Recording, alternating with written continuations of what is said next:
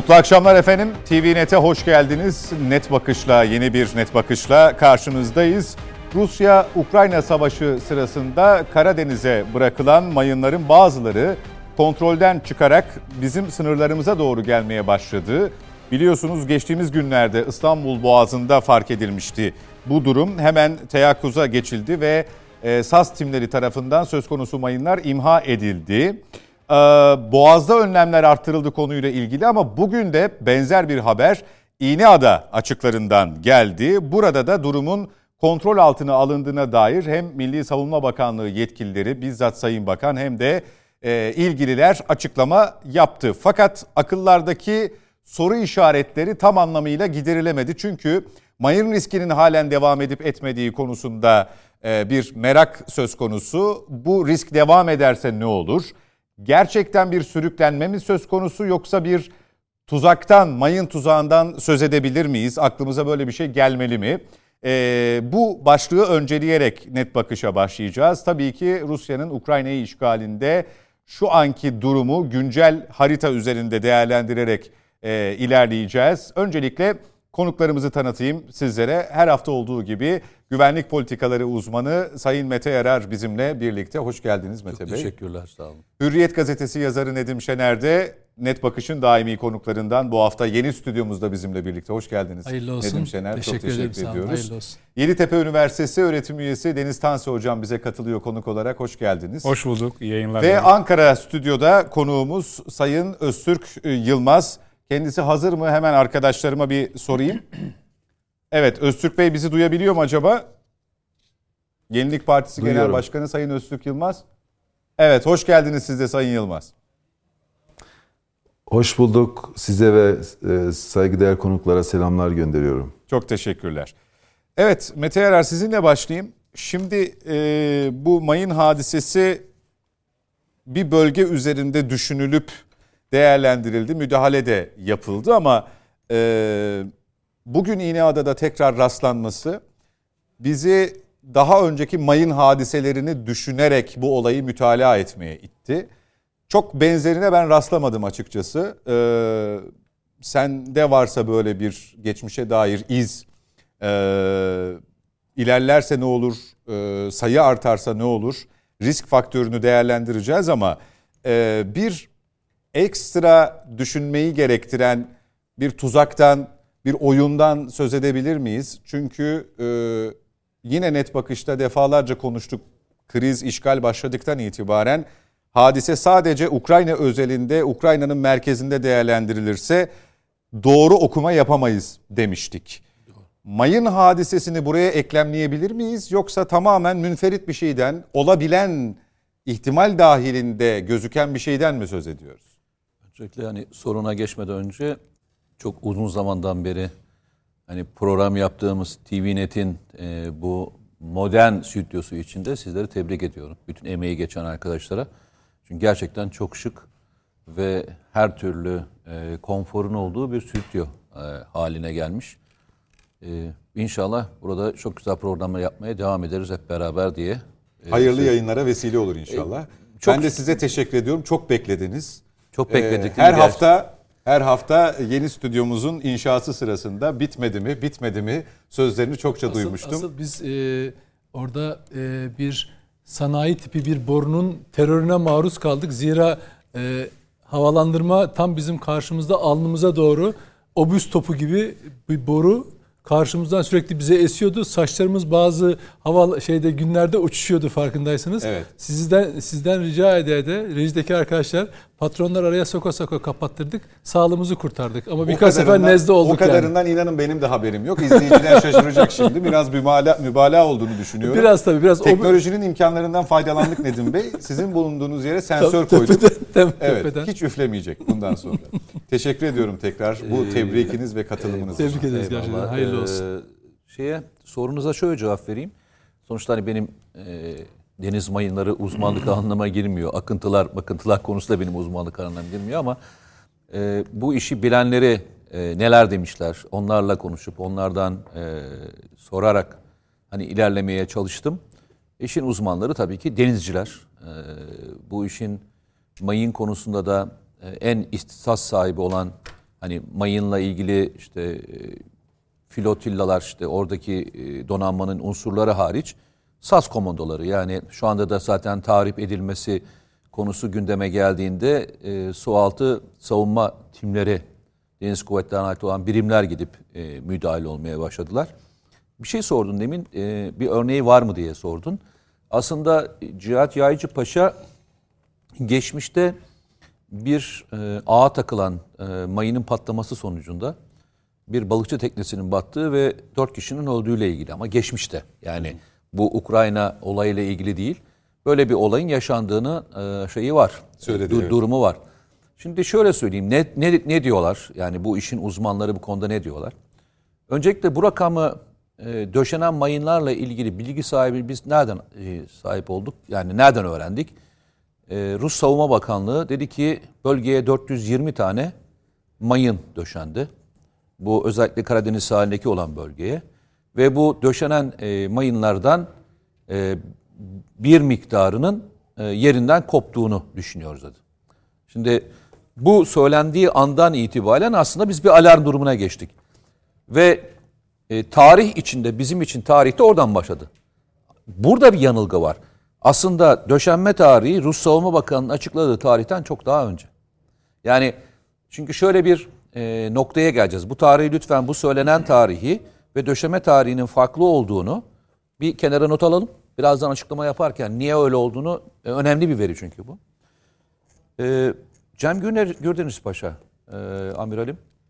E, zamanında işte flotilla komutanlığı bu özellikle mayınlarla ilgili e, iki sene yapmış galiba onun e, komutanlığını. O şunu söylüyor. Diyor ki bu 420 mayından e, iki tip var diyor. Bir tanesi 50 metreye kadar döşenebilen, 50 metreye kadar inebilen 20 kilogramlık bir mayın var.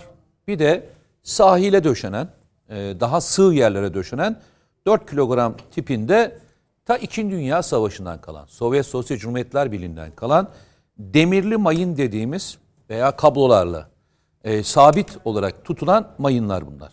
Zaten biliyorsunuz mayınların serbest olarak döşenmesi yasak. Yani dünyada bir bölgeyi serbest mayınla e, döşeyip gidemiyorsunuz. Muhakkak sabit bir şekilde bağlamanız gerekiyor. Diyor ki bu 420 mayından diyor e, rakamsal olarak değerlendirdiğinde onun bir kendi şeyi var, e, matematiği var.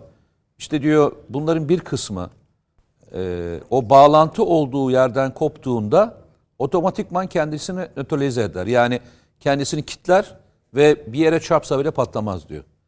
Hadi bunlardan çalışmayanları ve tamamı da kopmayacağına göre diyor. Bizim bölgemize gelebilecek olan mayın sayısı, onun rakamı olarak söylüyorum, 5 ile 10 arası diyor. Yani bize doğru ulaşabilecek olan e, rakam için 5 ile 10 diyor. Bu 420 mayının kopması anlamında söylemiyor. 420 mayının hepsi kopmuş olamaz diyor. Şu kadarı ancak olur. Şu kadarı da notorize olmamışsa bizim için tehdit, tehdit oluşturacak Bir yüzde, mayın üzer- miktarı yüzde üzerinden bunu bir söylüyor. yüzde üzerinden Evet. söylüyor. Yani hepsi kopamaz diyor. Yani onun bir kendine göre bir denklemi var ve o yüzden bizim için tehdit oluşturabilecek olan mayın 5 ile 10 arası diyor. Ve e, arkadaşlar hazırlamışlarsa bir harita yaptırmıştık. O haritada da yine e, Görelim arkada arkadaşlar onu.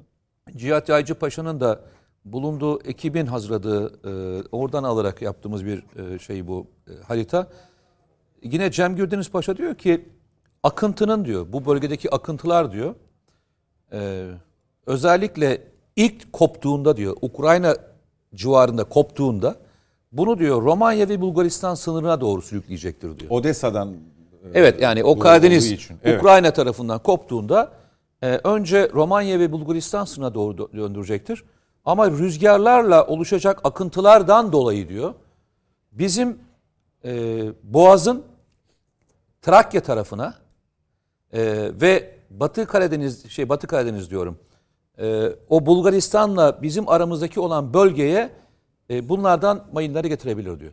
Zaten farkındaysanız e, iki mayının da bulunduğu yer bir tanesi Boğaz'ın hemen girişinde bulunmuştu.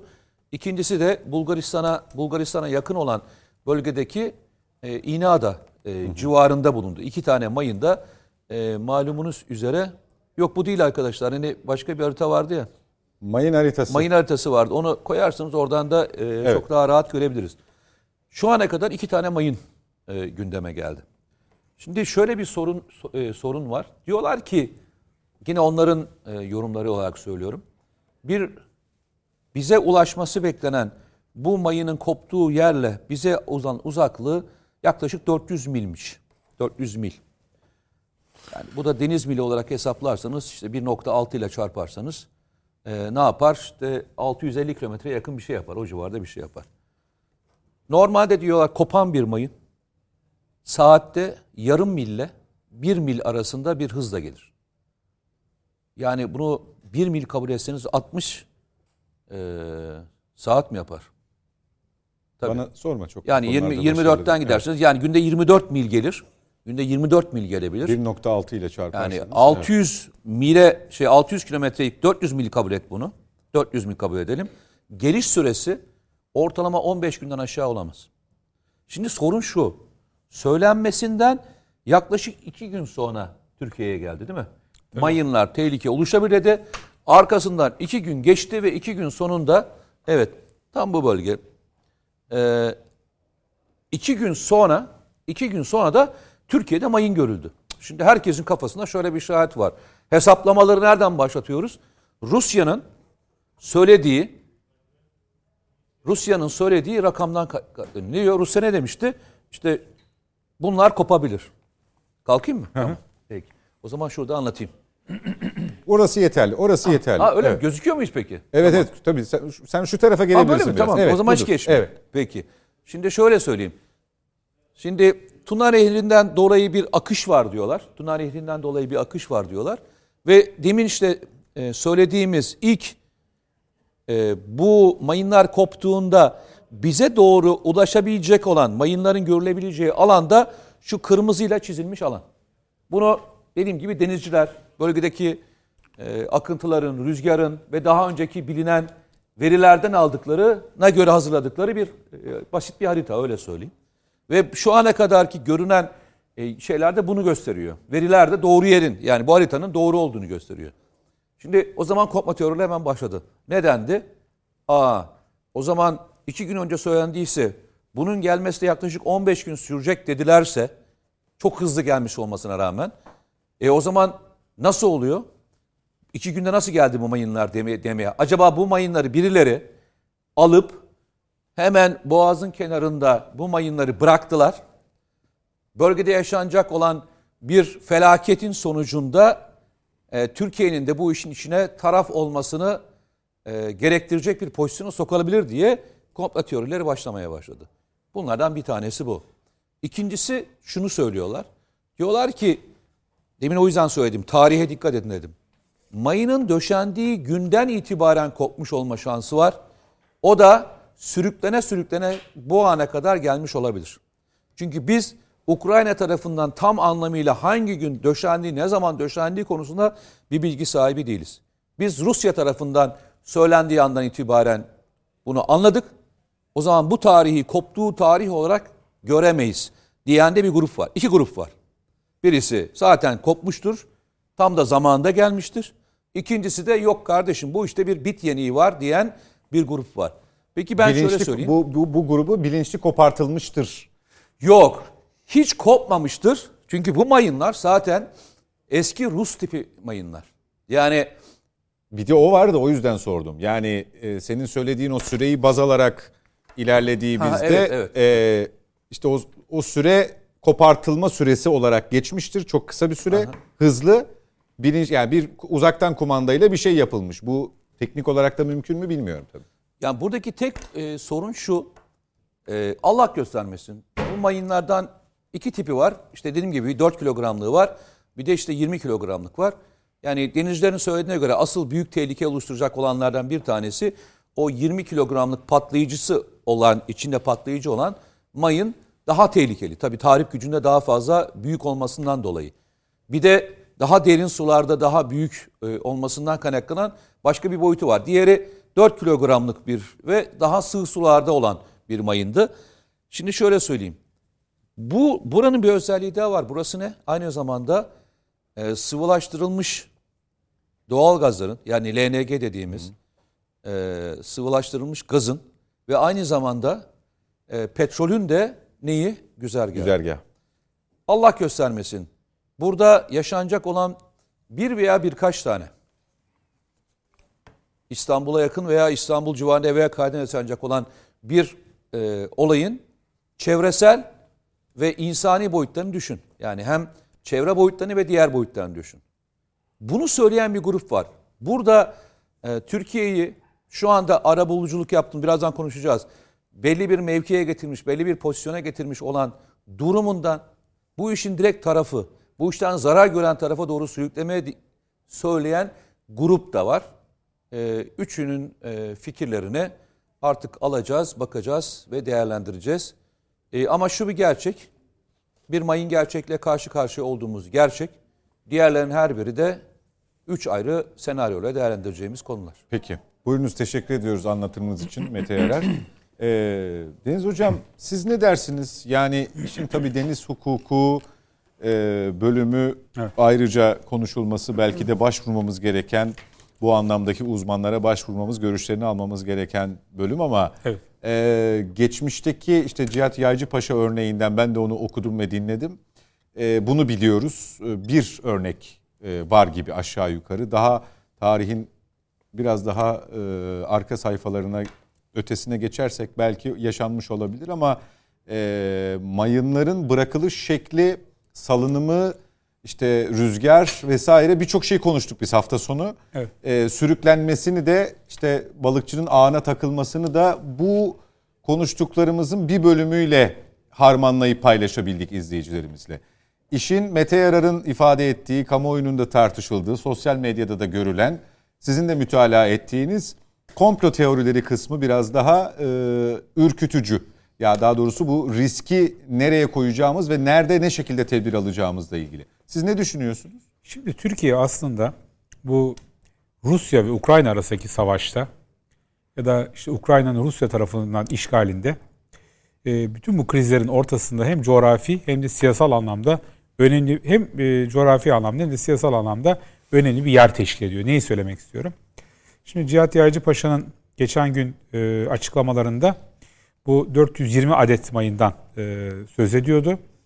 E, fakat burada Odessa Liman Müdürlüğü'nün yani dolayısıyla Ukrayna'nın bir açıklaması var. Ukrayna dedi ki rüzgar çıktı ve bunlar zincirlerinden koptu ama kaç tanesi koptu? Bir tanesi mi? Evet onu kastetmiştim. Üç tanesi mi? Beş tanesi mi? On tanesi mi? O konuda tam bir e, fikir ortaya konulabilmiş değil. Öte yandan değerlendirdiğimizde ister istemez e, Türkiye'nin bir girdaba sokulmaya çalışıldığını ve bu anlamda baktığımızda e, bizim e, müttefiklerimizin pek çok konuda e, ne tür çifte standartlar ortaya koyduğunu hatta e, yeri ve fırsatı geldikçe Montreux ile ilgili farklı yorumlar yapmak istediklerini biliyoruz. Ama şimdi komplo teorilerin ötesine baktığımızda ortada ciddi bir güvenlik sorunu var. Her şeyden önce İstanbul'un güvenliği meselesi var. Onun dışında enerji güzergahları açısından ki aslında Türkiye bu yolun bir enerji yolu olarak kullanılmasını istemiyor. Bu noktada bizim boru hatlarıyla ilgili ve hatta boğazlardaki çevre güvenliği ile ilgili ta 90'lardan itibaren koyduğumuz pek çok sivil toplum inisiyatifi var. Ama bir yandan da olgusal bir gerçek. Yani enerji buradan sonuçta e, ihraç ediliyor ya da bir enerji yolu. Boğazlar hem uluslararası anlamda bir geçiş yolu, su geçiş yolu. Aynı zamanda e, Montreux ile beraber Türkiye'nin egemenliğinin ortaya konulduğu bir e, hibrit zemini aslında ifade ediyor. Dolayısıyla bugüne kadar baktığımızda hani bir çetele tutmaya çalışsak e, İğneada ve Boğaz'ın girişindeki iki e, mayın bir de Romanya'da e, bul- bulunmuş 3. Ama sayının tam olarak ne olduğunu bilsek yani o 420 toplam ama 420'si salındı diye bir şey yok. Mümkün değil. Yani eğer olsa yani elimizde atıyorum 20, 30, 40 bir şey söylense o zaman bunları e, çıkartacağız ve karşımızda rakamsal bir tablo oluşacak. Şimdi bu da beraberinde e, hem tabii ki komplo teorilerini ortaya koyuyor hem de boğazların güvenliğiyle stratejik anlamdaki, siyasal anlamdaki konularla iç içe bir tabloyu ortaya koyuyor. Çünkü bugünlerde baktığımızda tabii İstanbul'da son derece önemli e, müzakereler başlayacak. Türkiye'nin dış politikada bu anlamda en önemli başarılarından biri. E, ancak şunu söylemekte fayda var. Rusya'nın Ukrayna'daki işgal hareketine baktığımızda e, ilk günlerde hep şunu düşünüyorduk. Hani sanki Donbas'la sınırlı kalacak diye ya da işte Kırım var. Aradaki Mariupol bunlarla biter diye düşünüyorduk. Fakat daha sonra Odessa hattı gündeme geldi. Odessa hattının şu anlamda bir önemi var. Eğer Rusya bu sadece bir teori değil de bir olasılık. Bu Odessa hattını eğer kapatacak olursa Karadeniz'e kıyıdaş olan bir devlet fiilen Karadeniz'e kıyıdaş devlet olmaktan çıkacak. Yani Ukrayna. Şimdi Ukrayna Sovyetler Birliği dağıldığından dolayı hani Montreux üzerinde bakıldığında bir kara devletine dönmüş olacak. O zaman bütün dengeler değişmiş olacak. Şu anlamda söylüyorum. Yani evet bunu Sovyetler Birliği imzalamış ama Sovyetlerin devamı olan devletler, işte ister Rusya Federasyonu olsun, ister Ukrayna olsun, devamı dediğim yani buradan müktesep haktan ya da Pacta Sunt Servanda'dan kaynaklanan ülkeler Montreux'ün çeşitli boyutlarına yararlanıyorlar.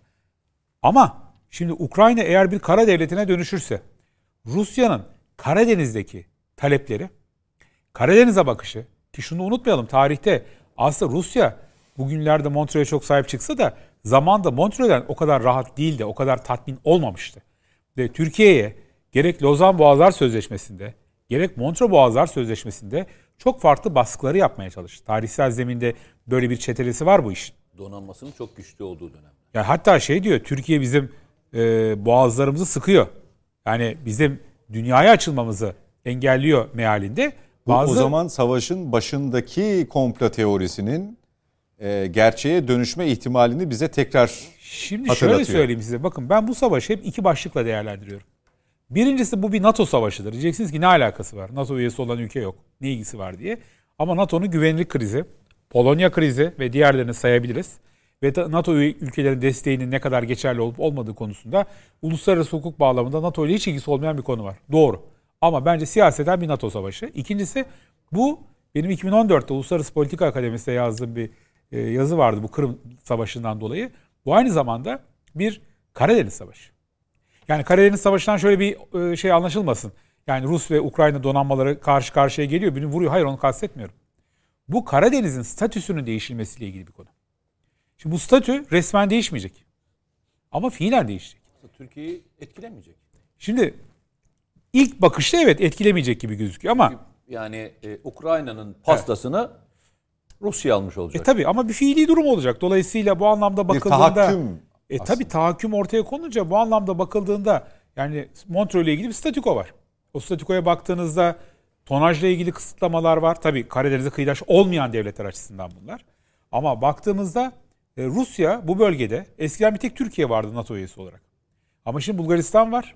Romanya var. Hatta hatırlayın 21 Şubat'taki o tarihi denilen ben tarihi demiyorum da hani yani medyada hep ifade edildi ya konuşmasında Putin Bulgaristan ve Romanya'yı kastederek bu, bu ülkelerdeki anti balistik füze tahkimatlarını bir tehdit olarak gördü. Yani eğer Rusya bu anlamda biraz daha kendi önü açılsa Bulgaristan ve Romanya'dan da talepler bulunma noktasına gelecek neredeyse. Hı hı. Ama orada en büyük problem şu. Niye NATO savaşı diyorum?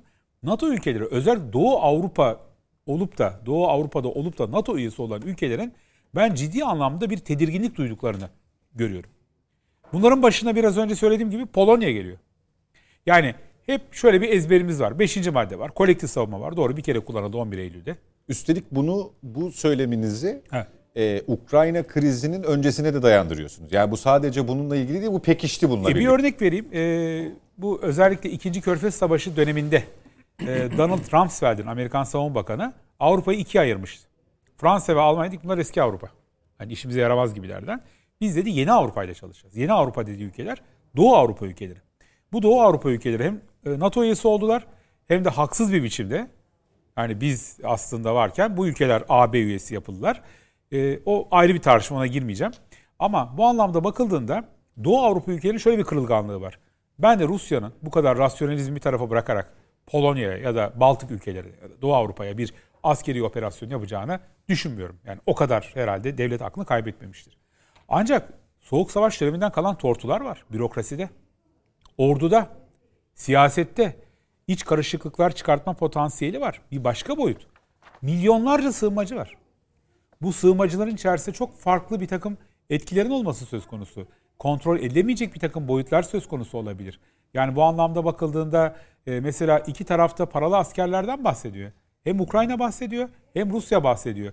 Çeşitli militan örgütler içine girdiği zaman Berlin'in, Paris'in güvenliğinin nasıl sağlanacağı konusunda bu tabii başka bir tartışmanın konusu ama bakıldığında NATO güvenliği dediğimiz zaman illaki konvansiyonel silah güvenliği ya da konvansiyonel silahlar, nükleer silahlar, taktik silahlar bunların hepsi önemli. Toparlayalım Ama hocam. Aynı zamanda baktığımızda bir de işin bu tür terör yapılanmalarıyla karışık farklı potansiyellerin olduğunda altın çizmek lazım diye düşünüyorum. Peki.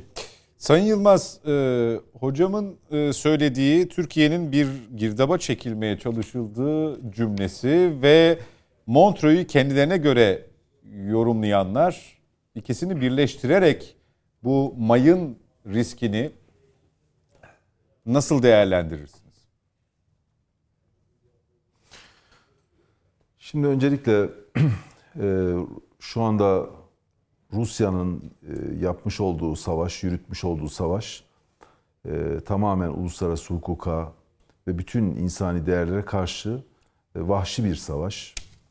Ukrayna'nın toprak bütünlüğüne dönük, egemenliğine dönük ve özellikle Ukrayna halkının e, kışın bu vaktinde 3 milyondan fazla 4 milyona yakın insanın ülkesini terk etmesi, 7,5-8 milyon insanın ülke içinde yer değişmesi korkunç bir insanlığa karşı bence bir suç ve bunun mutlaka cezalandırılacağını umuyorum en azından.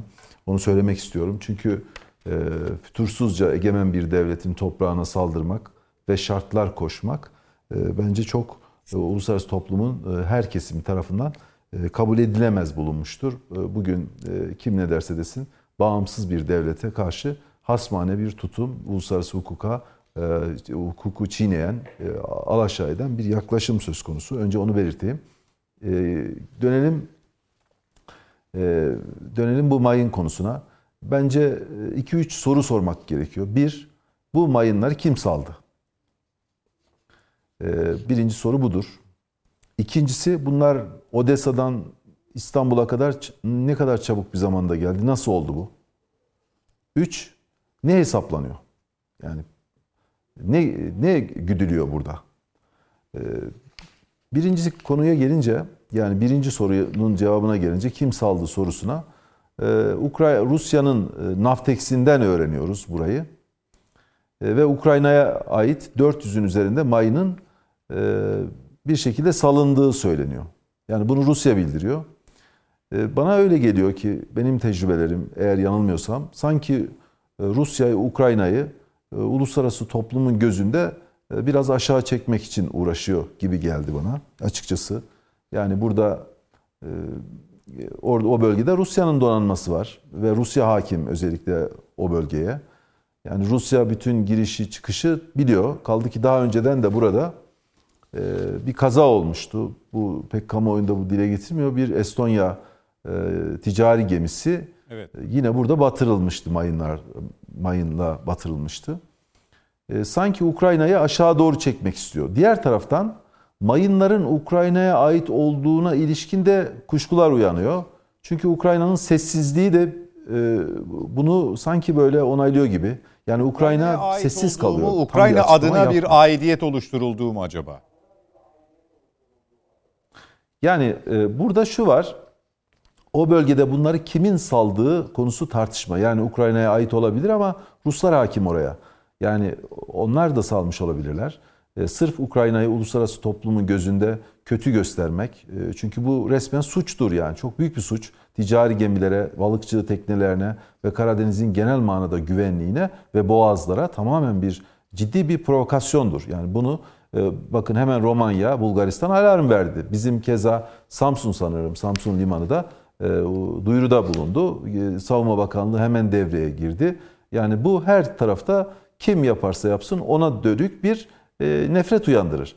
E, Bunu kimin yaptığı konusunda sanki e, yani bu bu işi Ruslar Rusların gibi geldi bana. Yani benim şahsen çünkü mayınlar Ukrayna'ya ait olabilir ama bu bunların salınması, burada panik yaratılması, bu bölge bu bölgede sanki böyle bir tedirginlik yaratılması e, bana açıkçası e, böyle bir şey, e, böyle bir imaj verdi. Yani buradan Ukrayna'nın karı ne olabilir mesela?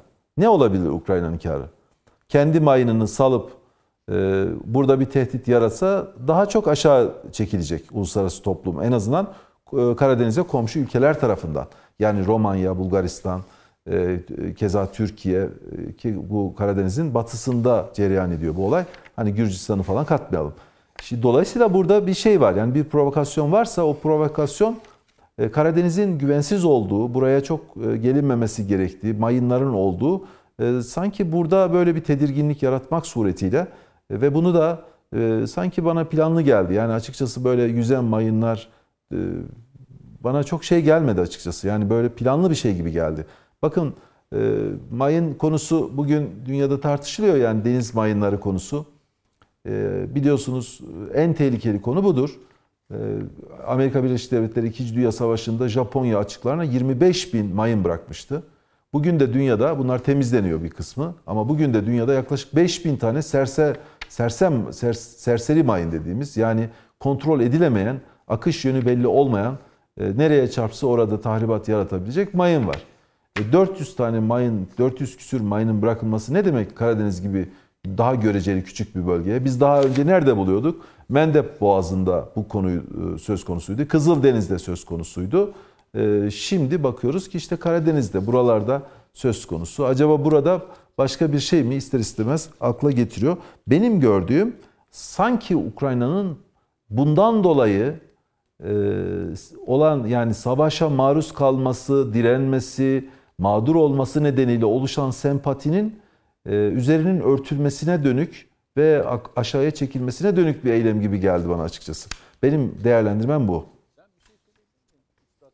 Hani sözünüzü kesmemiş olursam, e, demin dediniz ya Rusya'ya daha çok yarıyor gibi gözüküyor dediniz ama e, özellikle boğazlardaki e, bu ticaret yolunu kullanan aslında Rusya. Yani hem petrol için hem doğalgaz için e, en fazla gemisinin geçtiği bu güzergah e, Rusya'ya ait. Şimdi düşünsenize Allah göstermesin bir felaket yaşandığını düşünün. Ee, Türkiye'nin yapacağı ilk hareketlerden bir tanesi e, boğazlardaki e, trafiği kapatmak olur. Bu işten yani şöyle söyleyeyim mayının serbest bırakıldığında bu mayının hangi gemiye çarpacağını bilemezsiniz. Yani bu şöyle bir şey değil bu bir füze değil. Mayın eğer hani sizin şey için yani teziniz anlamında söylüyorum. Eğer öyle olmuş olsa bundan en fazla zarar görecek ekonomik olarak hani ekstra e, ambargoların üstüne bir de e, su yolunun e, kapanmasıyla beraber zararı görecek olan ülkenin ben Rusya olacağını düşündüğüm için Niye ayağına sıksın? kontrol kontrol edilemeyen bir mayının bırakılmasının, su yolunun, e, geçiş güzergahının kapanmasının en fazla hasar vereceği e, Rusya olduğu için hani ben hani elemelerimi içinde oransal Şimdi olarak şöyle- koyarsam oransal olarak koyarsam ben Rusya e, Rusya'yı e, biraz daha düşük bir orana koyarım diye düşünüyorum hocam. Sayın Başkanım diyeyim. Şimdi şöyle Mete Bey mantıklı bakarsanız sizin söylediğiniz doğru. Yani mantıklı bakarsanız yani normal mantıkla baktığınız anda o, o tezinizin doğru olması gerekir. Ama bakın bugün Rusya o savaş nedeniyle SWIFT sisteminden çıkıyor. Her türlü uluslararası ambargoyu kabul ediyor ve onlara göğüs geriyor. Çünkü Ukrayna'da yürüttüğü çok kirli bir savaş var. Ve bu savaş için yapamayacağı hiçbir şey yok. Yani umurunda değil. Ticaretiymiş, yok bilmem şuymuş, buymuş. Hiç umurunda değil. Yani bunu e, bir tercih yapması halinde e, böyle bir ticaret gemilerinin geçmemesi mi yoksa Ukrayna'nın aşağı çekilmesi mi? Bence Ukrayna'nın aşağı çekilmesini daha çok tercih edecektir. Çünkü yaptıklarından belli. Ben demiyorum illa da bunu Rusya yapmıştır. Bana gör, yani gör, gelen konunun geliş itibariyle görüntü bu. E, tabii ki e, ve yine de söylüyorum yani bu mayınların sanki Odessa limanından e, kaynaklandığı yönünde e, Ukrayna'nın e, ters bir açıklama yapmaması yani bu olmadı dememesi de sessizliği de Ukrayna'nın bu şeyinin lima, bu mayınların oradan koptuğunu e, sanki ortaya koyuyor gibi. Tabii ki yani yarın başka bir açıklama yapılır, başka bir şey çıkabilir ama biz şimdi e, elimizdeki verilerle ve genel bir değerlendirme çerçevesinde bunu konuşmak zorundayız. Benim gördüğüm yani Rusya şu anda Putin e, bu kirli savaşta başarılı olabilmesi için her türlü ticari, ekonomik, insani ve diğer şeyleri bir tarafa itecek kadar gözünü karartmış bulunuyor. Ee, Ukrayna'nın sempati topladığı gerçek çünkü işgale maruz kalıyor, direniyor. Yani görülmemiş bir şey. Ee, tabii ki toprak kaybetti, bayağı bir toprak kaybetti. Ülkesi harabeye döndü adeta. Özellikle Dnieper Nehri'nin doğusu şu anda tamamen işgal edilmek üzere. Şimdi bu çok Ukrayna resmen ikiye bölünüyor. Şimdi bu çok büyük ağır bir trajedi ve insani bir trajedi. Ülkeler bunu görüyor ee, ve Ukrayna'ya ister istemez sahip çıkıyorlar. Yani eskiden Ukrayna'nın bayrağını kim tanırdı? Ukrayna'nın milli marşını kim tanırdı? Zelenski'yi kim tanırdı? Ee, kim tanırdı Ukrayna'yı? Şimdi yardımlar toplanıyor, şey yapılıyor ve Putin iyice e, yalnızlaş yalnızlaşıyor uluslararası toplumda. Niye? Çünkü bu kirli savaş Ukrayna'nın Ukrayna'ya dönük bir sempati oluşturdu. E, Putin'e de karşı bir nefret oluşturdu. Putin e, bu şeyi aşağı çekmek için böyle bir şey yapmış olabilirler. Yani Naftex'i yayınlayan onlar. Dünya onlarla öğrendi. Bu kadar şeyi onlar yayınladılar ve biz onlar kanalıyla, onlar marifetiyle bunu öğrenmiş olduk. Benim aklıma yani bu geliyor. Tabii ki dediğim gibi yani bu enteresan bir konu. Bir de tabii bu mayınlar neden e, Ukrayna eğer böyle olursa Ukrayna e, baskı altına gelir? Örneğin Allah muhafaza diyelim bizim bir balıkçı teknemize dokunsa Ukrayna'dan kaynaklanan serbest bıraktığına ilişkin mayınlar e, ne olacak? Ukrayna'ya karşı Türkiye'deki mod değişecek veya Romanya balıkçılarına veya Romanya bir ticari gemisinin batırılması halinde ve bunun Ukrayna tarafından serbest bırakıldığı ortaya çıkarsa ne olacak? İster istemez Ukrayna'ya karşı e, farklı bir yaklaşım e, benimsenecek. İster istemez yani çünkü önce can sonra canan. Yani gerçekçi olalım. Her ülke kendi güvenliğini sağlıyor ama ben inanıyorum ki e, burada burayla ilgili bir ortak bir çalışma acilen yapılması lazım ki Türkiye'nin Romanya ile özellikle bu konuda bir dirsek temasında olduğunu görüyoruz. Bulgaristan'la da keza öyle olması, bir ortak görev gücünün kurulması ve bu mayınların özellikle ticaret akışının güvenliği, balıkçılığın güvenliği, genel olarak Karadeniz'in güvenliği açısından temizlenmesi gerekecektir. E, aksi takdirde bu çok büyük bir tehlike. Yani e, bir ticaret gemisinin batması çok büyük bir e, olaydır e, Ukrayna'ya yazılacak. Veya, veya işte batan ülkenin gemisinin durum. Teşekkür ediyorum bu bölüm için. Nedim Şener komplo teorileri üzerinden Mete Yarar'ın e, saydığı 3 taneydi galiba. Daha doğrusu 2 taneydi ama ben bir tanesini daha ekledim e, Sayın Öztürk Yılmaz da salınması konusunda yani bunu kim saldı e, oradan e, giriş yaptı ve e, Mete Yarar'ın e, Rusya'nın işine yarayacak yaramayacak e, tespitiyle beraber düz bakıldığında, mantıken bakıldığında, ekonomik olarak bakıldığında evet Rusya böyle bir e, bir şeyin öncüsü olmak istemez, ayağına sıkmak istemez dedi ama e, Sayın Yılmaz'ın söylediklerini de yabana atmamak lazım. Bu kirli başlayan, kirli devam eden ve Rusya'nın itibarı noktasında kendi iç kamuoyunu da göz önünde bulundurarak çok başka bir noktaya giden hadisede çok bunları düşüneceği kanaatinde değilim ben de. Sen ne düşünüyorsun? Komplo teorileri üzerinden ilerlersek her ne kadar direkt bizi ilgilendirmese de ikinci aşamayı konuşacağız reklam arasından sonra Rusya'nın ikinci aşamasını ama Deniz hocamın söylediği o Odessa hadisesi, o hattını kapatma hikayesi de yabana atılmayacak gibi gözüküyor. Şimdi Cem Gürdeniz de Cihat Yaycı'nın da söylediği Mete aktardı. Ee, belki bahsedildiği gibi işte e, zamanında yola çıkmış. Bundan 20-25 gün önce çıkmış. Ancak bizim e, bölgeye, bizim bölgemize gelmiş. Bir mayın olayından bahsedebiliriz. Belki böyledir. Ama onun üzerine komplo teorisi kurmak çok yani pek anlamlı gelmiyor bana. Çünkü bunun e, bu tür olaylarda bunun e, sık sık gerçek yani bu sadece bir komplo teorisi olarak ortaya atılıp atılmak için iki tane mayının salınması veya üç mayının salınması hadisesiyle şey olmaz. E, amaç gerçekleşmez. E, ama bu bize bir şeyi gösteriyor. E, Türkiye bu mayın olayı yani ben e, haberi ilk okuduğum zaman Boğaz'da mayına rastlandı dendiği zaman yani Türkiye'nin pozisyonunu en iyi anlatan olay gibi geldi bu savaş sırasında. Çünkü savaşan iki ülkeye Karadeniz üzerinden e, kıyıdaş e, ve bu iki ülkeye karşı başından itibaren e, tarafsız ama her türlü provokasyona da açık.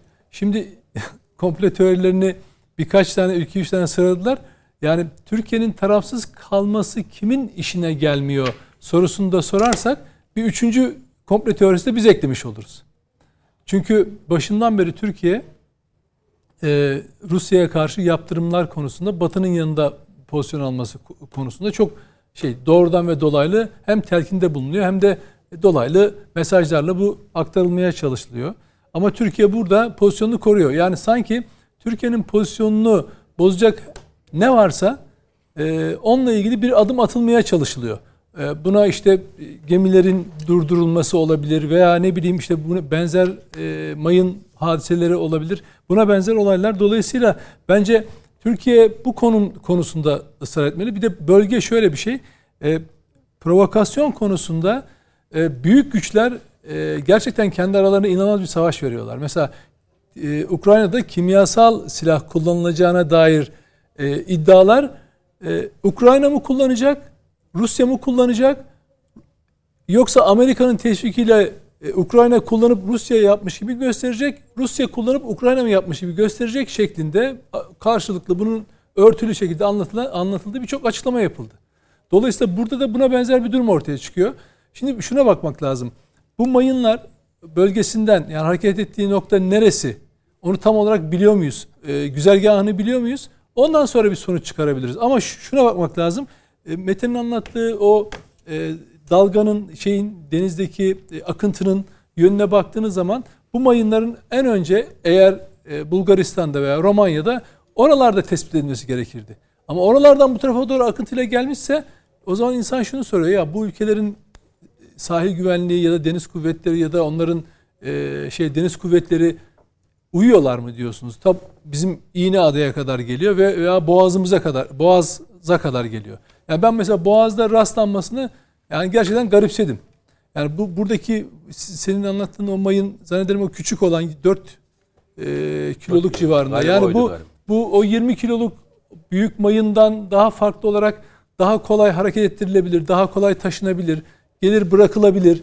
Bu da mümkün. Anlatabiliyor muyum? Yani 4-5 kiloluk bir mayını denize herhangi başka taşıtla getirip sürükleyerek getirmek, bırakmak, bölgeye bırakmak çok e, da mümkün yani. Bunlar hepsi olabilecek şeyler ama ben bunu tamamen Türkiye'nin e, bütün savaşın başından beri izlediği tarafsız politikayla e, çok ilişkilendiriyorum. Onu bozmak için belki de atılmış bir adım gibi geliyor bana.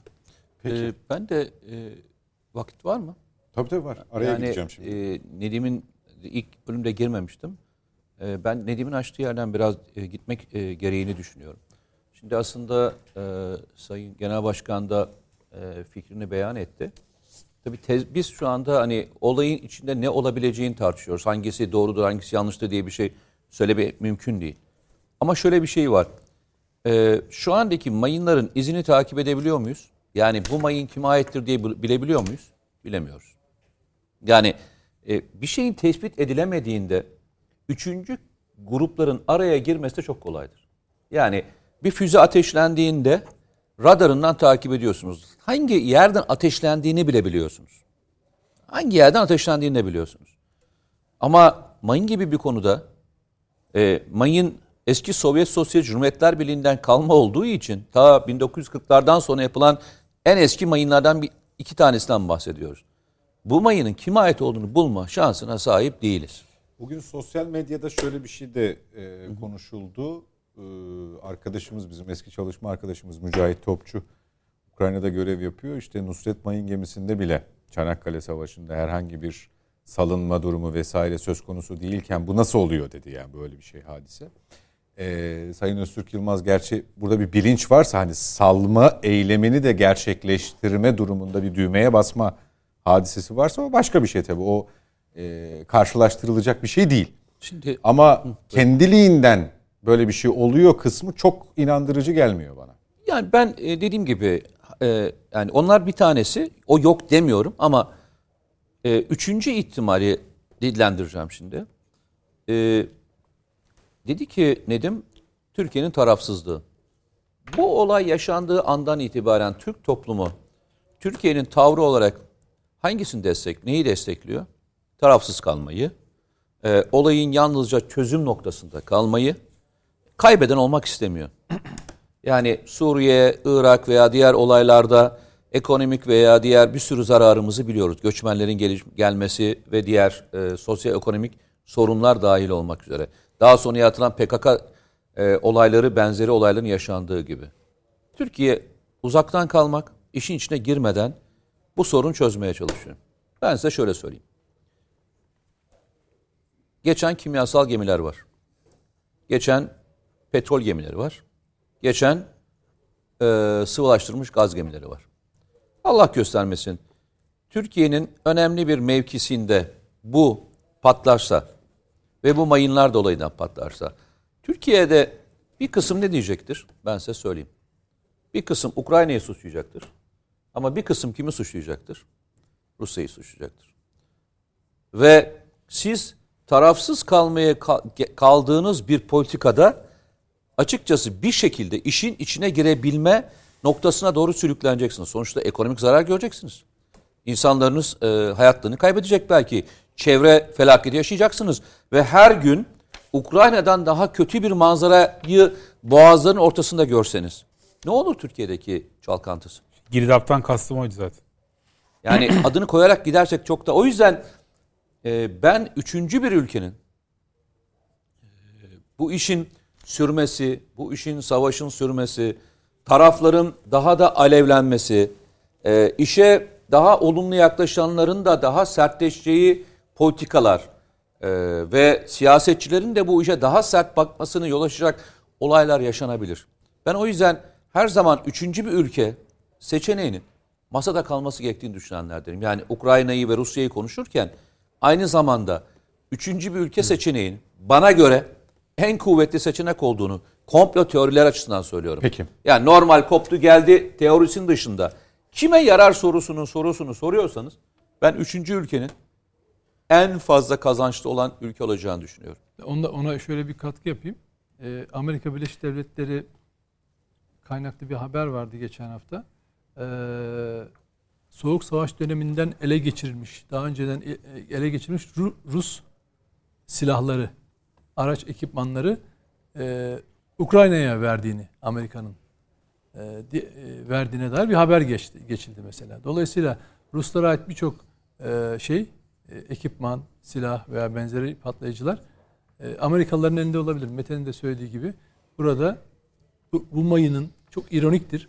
E, şeyi e, varlığı ve oluş şekli Türkiye'nin tarafsız politikasının de, e, bozulması için kim planlamışsa e, Mete'nin de söylediği gibi bir üçüncü ülkeyi insanlar kafalarında oluşturabilir. Küçük parada Peki şey Romanya donanması evet, pardon hocam tabii. Karadeniz'de bir mayını imha ediyor. Evet.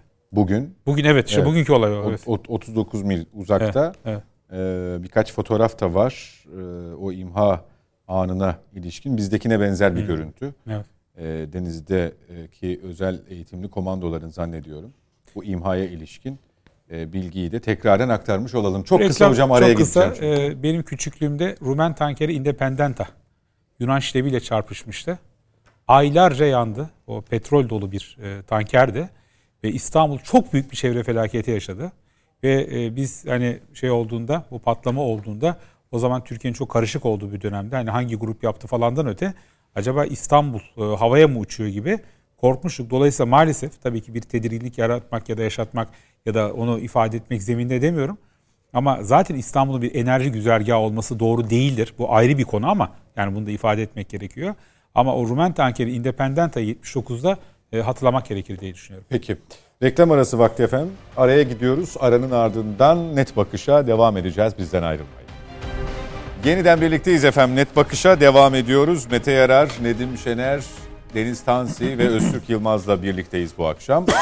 Ee, hocam, Buyurun. E, şöyle bir şey, bu mayın hadisesini geçip artık bu müzakere masasına e, değinecektim ama Sayın Cumhurbaşkanı da biz yayına hazırlanırken kabine toplantısının ardı, ardından yaptığı açıklamada yarınki görüşmeye işaret ederek taraflara her fırsatta barışını ve barışı telkin ettik hatırlatmasında bulunmuştu. Evet. Barış yolunda da en çok çaba gösteren ülke izledi ki siz bunu konuşmanızın içinde hı hı. bir atıfla dile getirmiştiniz. Şimdi bu müzakerenin yani ilkinin işte Antalya'da yapılıyor olması, diplomasi forumu vesilesiyle sonrasında İstanbul'da devam edecek olması Ee, yine biz hazırlanırken Sayın Cumhurbaşkanı'nın bu müzakere başlamadan önce tarafları bir araya getirmeden önce de de bir açıklamada bulunacak olması çok önemli. Ee, Türkiye'de müzakere masasının kurulması ve mayınlar arasında bir e, bir şey düşünmeli miyiz? Aklımıza bir şey gelmeli mi? Yani ara buluculuk rolünde Türkiye evet taraflar arasında bir seslendirmeyi dile getiriyorum. Ama hani çok da gibi nokta nokta bir şey gelmeli mi aklımıza? Şimdi ben tabii e, mayınların araçsal bir özelliği var ama tabii failini henüz tam bilemediğimiz için şu anda ancak bir takım varsayımlar üzerine duruyoruz. Ancak ben bu konuyu e, yani mayınlarla ilgili değil de genel anlamda müzakereleri iki boyutta e, ifade etmeye çalışıyorum. Birincisi Türk dış politikası açısından gerek Antalya zirvesi ki Dışişleri Bakanları düzeyinde gerekse de var olan müzakerelerin e, bir etabının Türkiye'de yapılıyor olması bence Türk diplomasisi açısından, Türk siyaseti açısından bir büyük başarı. Ancak e, müzakere masasındaki noktaya baktığımızda şimdi savaş tabii ki devletlerin e, aslında en siyasal eylemlerinden bir tanesidir. Çünkü siyasetin diplomasi ve askeri unsurlar baktığımızda hepsi siyasete bağlı. Şimdi evet Rusya'nın işgalciliği, bir egemen devlete yönelik işgalciliği ortada. Ancak bu tabii bir serinin devamı. 2008 Bükreş zirvesinde NATO'nun Ukrayna ve Gürcistan'ın adları söz konusu gelince ya da gündeme gelince hatta Stephen Walton Harvard Üniversitesi'nden Profesör Stephen Walton e, Foreign Policy'de bir yazısı vardı. Ukrayna krizine giden liberal yanılsamalar diye. Bu tabii ki Rusya'ya bir meşruiyet ya da haklık getirmiyor. Çünkü Doğu Avrupa ve Baltık devletlerinin NATO üyesi olmasının bir adım sonrasında Ukrayna ve Gürcistan'ın olması Rusya açısından bir kırmızı çizgi olarak değerlendirildi. Türkiye'de de bu dipnotları koymak zorunda kalıyorsunuz. Çünkü biliyorsunuz hemen şu başkent mi bu başkent mi gibi. Halbuki bir tane başkent var o da Ankara. Onun dışındakiler hepsi Türk dış politikası açısından çevresel bir faktördür. Bu anlamda baktığımızda 2008'deki Gürcistan Savaşı, 2014'teki Kırım Savaşı ve 2022'de bugün yaşananlara baktığımızda aslında Rusya'nın gerek Gürcistan'ın ve gerekse de Ukrayna'nın fiilen NATO üyeliğini aslında engellediğini görüyoruz. Yani Rusya siyasi amaçlarından çok önemli bir zeminini kendi çerçevesinde yakaladı. Bu iki ülkenin NATO üyeliğine fiilen engelledi. Ancak Rusya bu anlamda masada neler istiyor? Mesela bugün Zelenski'nin açıklamaları var. Gerçi Zelenski zaman zaman farklı açıklamalar yapıyor ama anayasada NATO üyeliği ile ilgili maddenin değişebileceği ile ilgili bir takım sinyaller verdi. Bence bu önemliydi. Öte yandan zaman zaman Donbas'la ilgili konuda da e, ya da Donbas dediğimiz bölge iki tane Donetsk ve Luhansk gibi sözde e, Rusya tarafından bağımsız ya da halk cumhuriyeti olarak ifade edilen yerler var. Hatta e, daha da aşağıya indiğinizde e, işte e, Herson bölgesi hani Kırım'a doğru baktığımızda oranın da sözde bir halk cumhuriyeti olarak tanınması e, düşüncesi var. Bu hangi serinin devamı? 2008'de Güney Ossetya ve Abazya'nın Gürcistan zemininde ki bunlar Gürcistan toprağıdır ki Türkiye bu anlamda ne işgal ne yaptırım diyerek aslında işgali hiçbir noktada biz kabul etmiyoruz. Ukrayna'da da, Gürcistan'da da. Öte yandan kardeş Azerbaycan'ı desteklediğimiz zeminde ne dedik? Kardeş Azerbaycan'ın kendi topraklarını kurtarma savaşı dedik. Yani Azerbaycan gidip de bir yeri fethetmek için savaşmadı. Kendi işgal altında olan topraklarını koruma, kurtarmak için savaştı. Şimdi Rusya başka ne istiyor? Ee, bir, NATO üyeliği olmayacak. İki, Kırım ilhakı tanınacak. Üç, Donbas'taki e, cumhuriyetlerin konumu hani tanımı olmasa da acaba bir federasyon mu olabilir, bir referandum mu olabilir? Bunlar konuşuluyor. Öte yandan talepler bitmiyor. E, Rusça konuşan bölgelerde işte hatta biliyorsunuz Duma'da yeni bir hazırlık var. E, Rusça konuşan e, halklar Halk. ya da kişiler e, Rusya'nın e, doğal olarak vatandaşı olabilecek. Aklıma çok alakasız bir ülke geldi İsrail. Yani dünya neresinde olursanız olun eğer Yahudiyseniz başvurursanız İsrail vatandaşı olma hakkınız var. Ama bu onun ötesinde. Çünkü yani İsrail bir belli bir bölgede kendi çerçevesindeki politikaları tabii ki eleştirilir falan o ayrı. Ama Rusya açısından baktığınızda Rusya'nın bir yayılma stratejisi var. Bu yayılma stratejisine baktığımızda Soğuk Savaş'ın ilk döneminde bir nekaat süreci vardı. Ve bu dönemde Batı boşluklardan yararlanarak Doğu Avrupa, Baltıklar yetmedi, Körfez Savaşları yani Rusya'nın adeta uluslararası zeminde edilgen bir aktör olduğu senaryo izledik.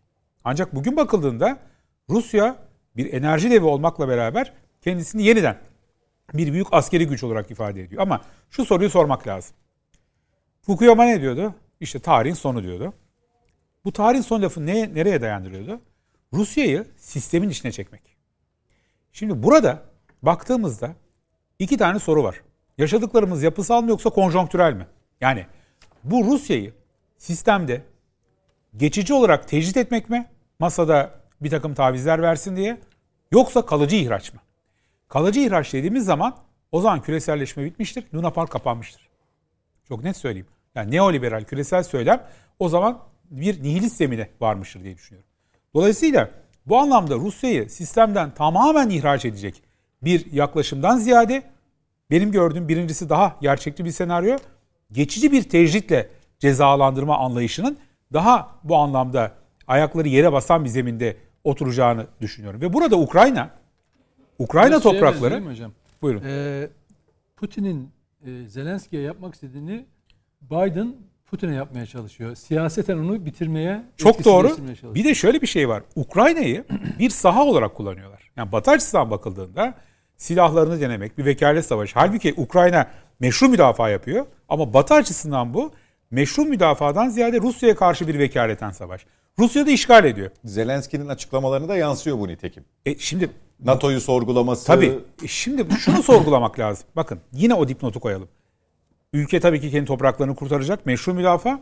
Ama yani NATO'ya güvenilmeyeceğini 2008 Gürcistan ve 2014 Kırım Savaşlarından zaten görmüş olmaları gerekirdi.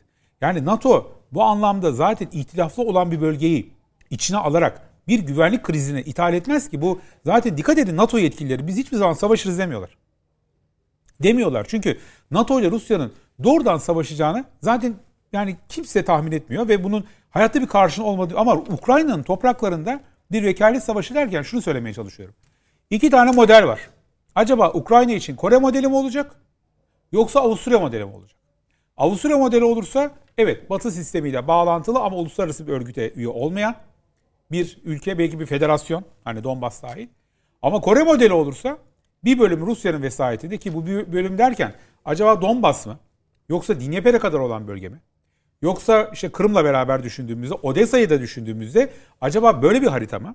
Şimdi bence müzakere masasında zaten en çok gündeme gelecek konular bu. Yani uluslararası ilişkiler zemine bakıldığında hani 1648 Vesali'ye gidelim, 1815 Viyana Kongresi'ne gidelim ya da 1. Dünya Savaşı, 2. Dünya Savaşı konumlara bakalım.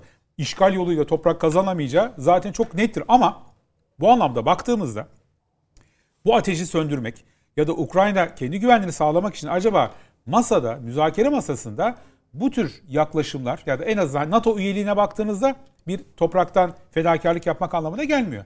Ama öteki türlü baktığımızda Donbas'taki, Kırım'daki, Mariupol'deki ya da şimdi henüz Odessa'ya bir operasyon yani tam anlamıyla bir e, kitlesel anlamda bir operasyon yok. Ama bunlar söz konusu olduğunda karşımızda nasıl bir senaryo olacağını çok doğru bir şekilde görmek lazım. Peki Ukrayna'nın taleplerine ona bakmak lazım. Ukrayna'nın en meşru talebi toprak bütünlüğü. En meşru talebi. Ama onun dışında hani Ukrayna'nın taviz verebileceği konular var. Verin mesela silahsızlanma konusunda da aslında Ukraynalı yetkililer tamamıyla silahsızlanamayız diyor. Haklı olarak ya bir devlet zaten ordusunu bırakırsa kendisini hangi anlamda tahkim edecek? Ama belki bu konuda da bir takım tavizler gündeme gelecek mi? Bunları tabii ki hep beraber göreceğiz. Yani öyle bir oyun ki aslında burada. Bir taraftan Rusya acaba belli bir noktaya getirilebilir mi? Batı açısından bakıldığında. Rusya açısından bakıldığında Ukrayna belli bir noktaya getirilebilir mi? Ee, bakıldığında Ukrayna kendi toprak bütünlüğünü korumak istiyor. Böyle bir zemin değerlendirdiğinde ben şöyle düşünüyorum. Türk dış politikası hem çıkarları açısından hem de vicdanen aslında e, bir an önce barışın olmasını istiyor. Yani bunu Türkiye samimi olarak istiyor. Çünkü en çok zararı Türkiye görüyor ve iki ülkeye dost ülke diyebilen nadir ülkelerden biri. Bu önemli. Yani evet Rusya'nın yaptıkları tabii ki kabul edilemez ama Rusya'yı bu anlamda ötekileştirmiyor, şeytanlaştırmıyor. İşte ne işgal ne yaptırım başlığı o anlamda son derece önemlidir. Ancak maalesef e, bununla beraber Türkiye'ye yönelik bir takım komplolar, bir takım oldu bittiler ya da buna benzer konular gündeme gelebilir mi? E, o konuda ciddi anlamda soru işaretlerimiz var. Ve bu anlamda şöyle söyleyeyim toparlayayım. Türkiye mesela NATO'nun aktif çaba operasyonuna dahi izin vermedi Karadeniz'de. NATO üyesi olmasına rağmen Montreux'den dolayı. Dolayısıyla Türkiye burada dengeleri her zaman koruyor. Ve Türkiye'yi ben şöyle düşünüyorum. Artık soğuk savaş sonrası Türkiye klasik anlamda Batı lehine statikocu, stratejik, stabil bir orta boy devlet değil. Peki. O Ee, anlamda değerlendirmek lazım. Anladım. Sayın Yılmaz, e, müzakere masasının İstanbul'da kurulması, e, Türkiye'nin ara buluculuğu, iki tarafı da itidalli davranmaya çağırması, e, biz müzakerelerin devam ettiği süreçte sahaya yansımayı e, maddeler halinde gördük ama e, daha doğrusu maddeleri gördük, sahaya yansımayı göremedik. E, Karadeniz'de savaş, Boğaz'da diplomasi gibi bir e, tabloda oluştu aslında. Ne bekliyoruz? Bir yere varır mı? Bizim açımızdan özellikle ne ifade ediyor? Yani Ukrayna'da tarafların e, e, biliyorsunuz daha önce Belarus sınırında bayağı bir görüşme yaptılar. Benim gördüğüm ilk defa böyle bir görüşme oluyordu. Daha önce hiç böyle bir şey yok. Yani Rusya dövüyor Ukrayna'yı. E, istediği anda da gel görüşelim diyor. Hiç ara bulucu falan yok. E, ve ara bulucusuz görüşmeler oldu e, Belarus sınırında. Sonra şimdi bir mekanda daha alt seviyede bir görüşme oluyor Türkiye'de. Bu- Bugün Rusya Dışişleri Bakanlığı'na so- sormuşlar. Yani Putin'le Zelenski'nin bir araya gelmesi söz konusu mu? Hayır. Böyle bir şey sürece zarar verir diyor. Ben açıkçası çok e, bir şey çıkacağını düşünmüyorum. Yani burada e, taraflar kendi pozisyonlarını ortaya koyacaklardır.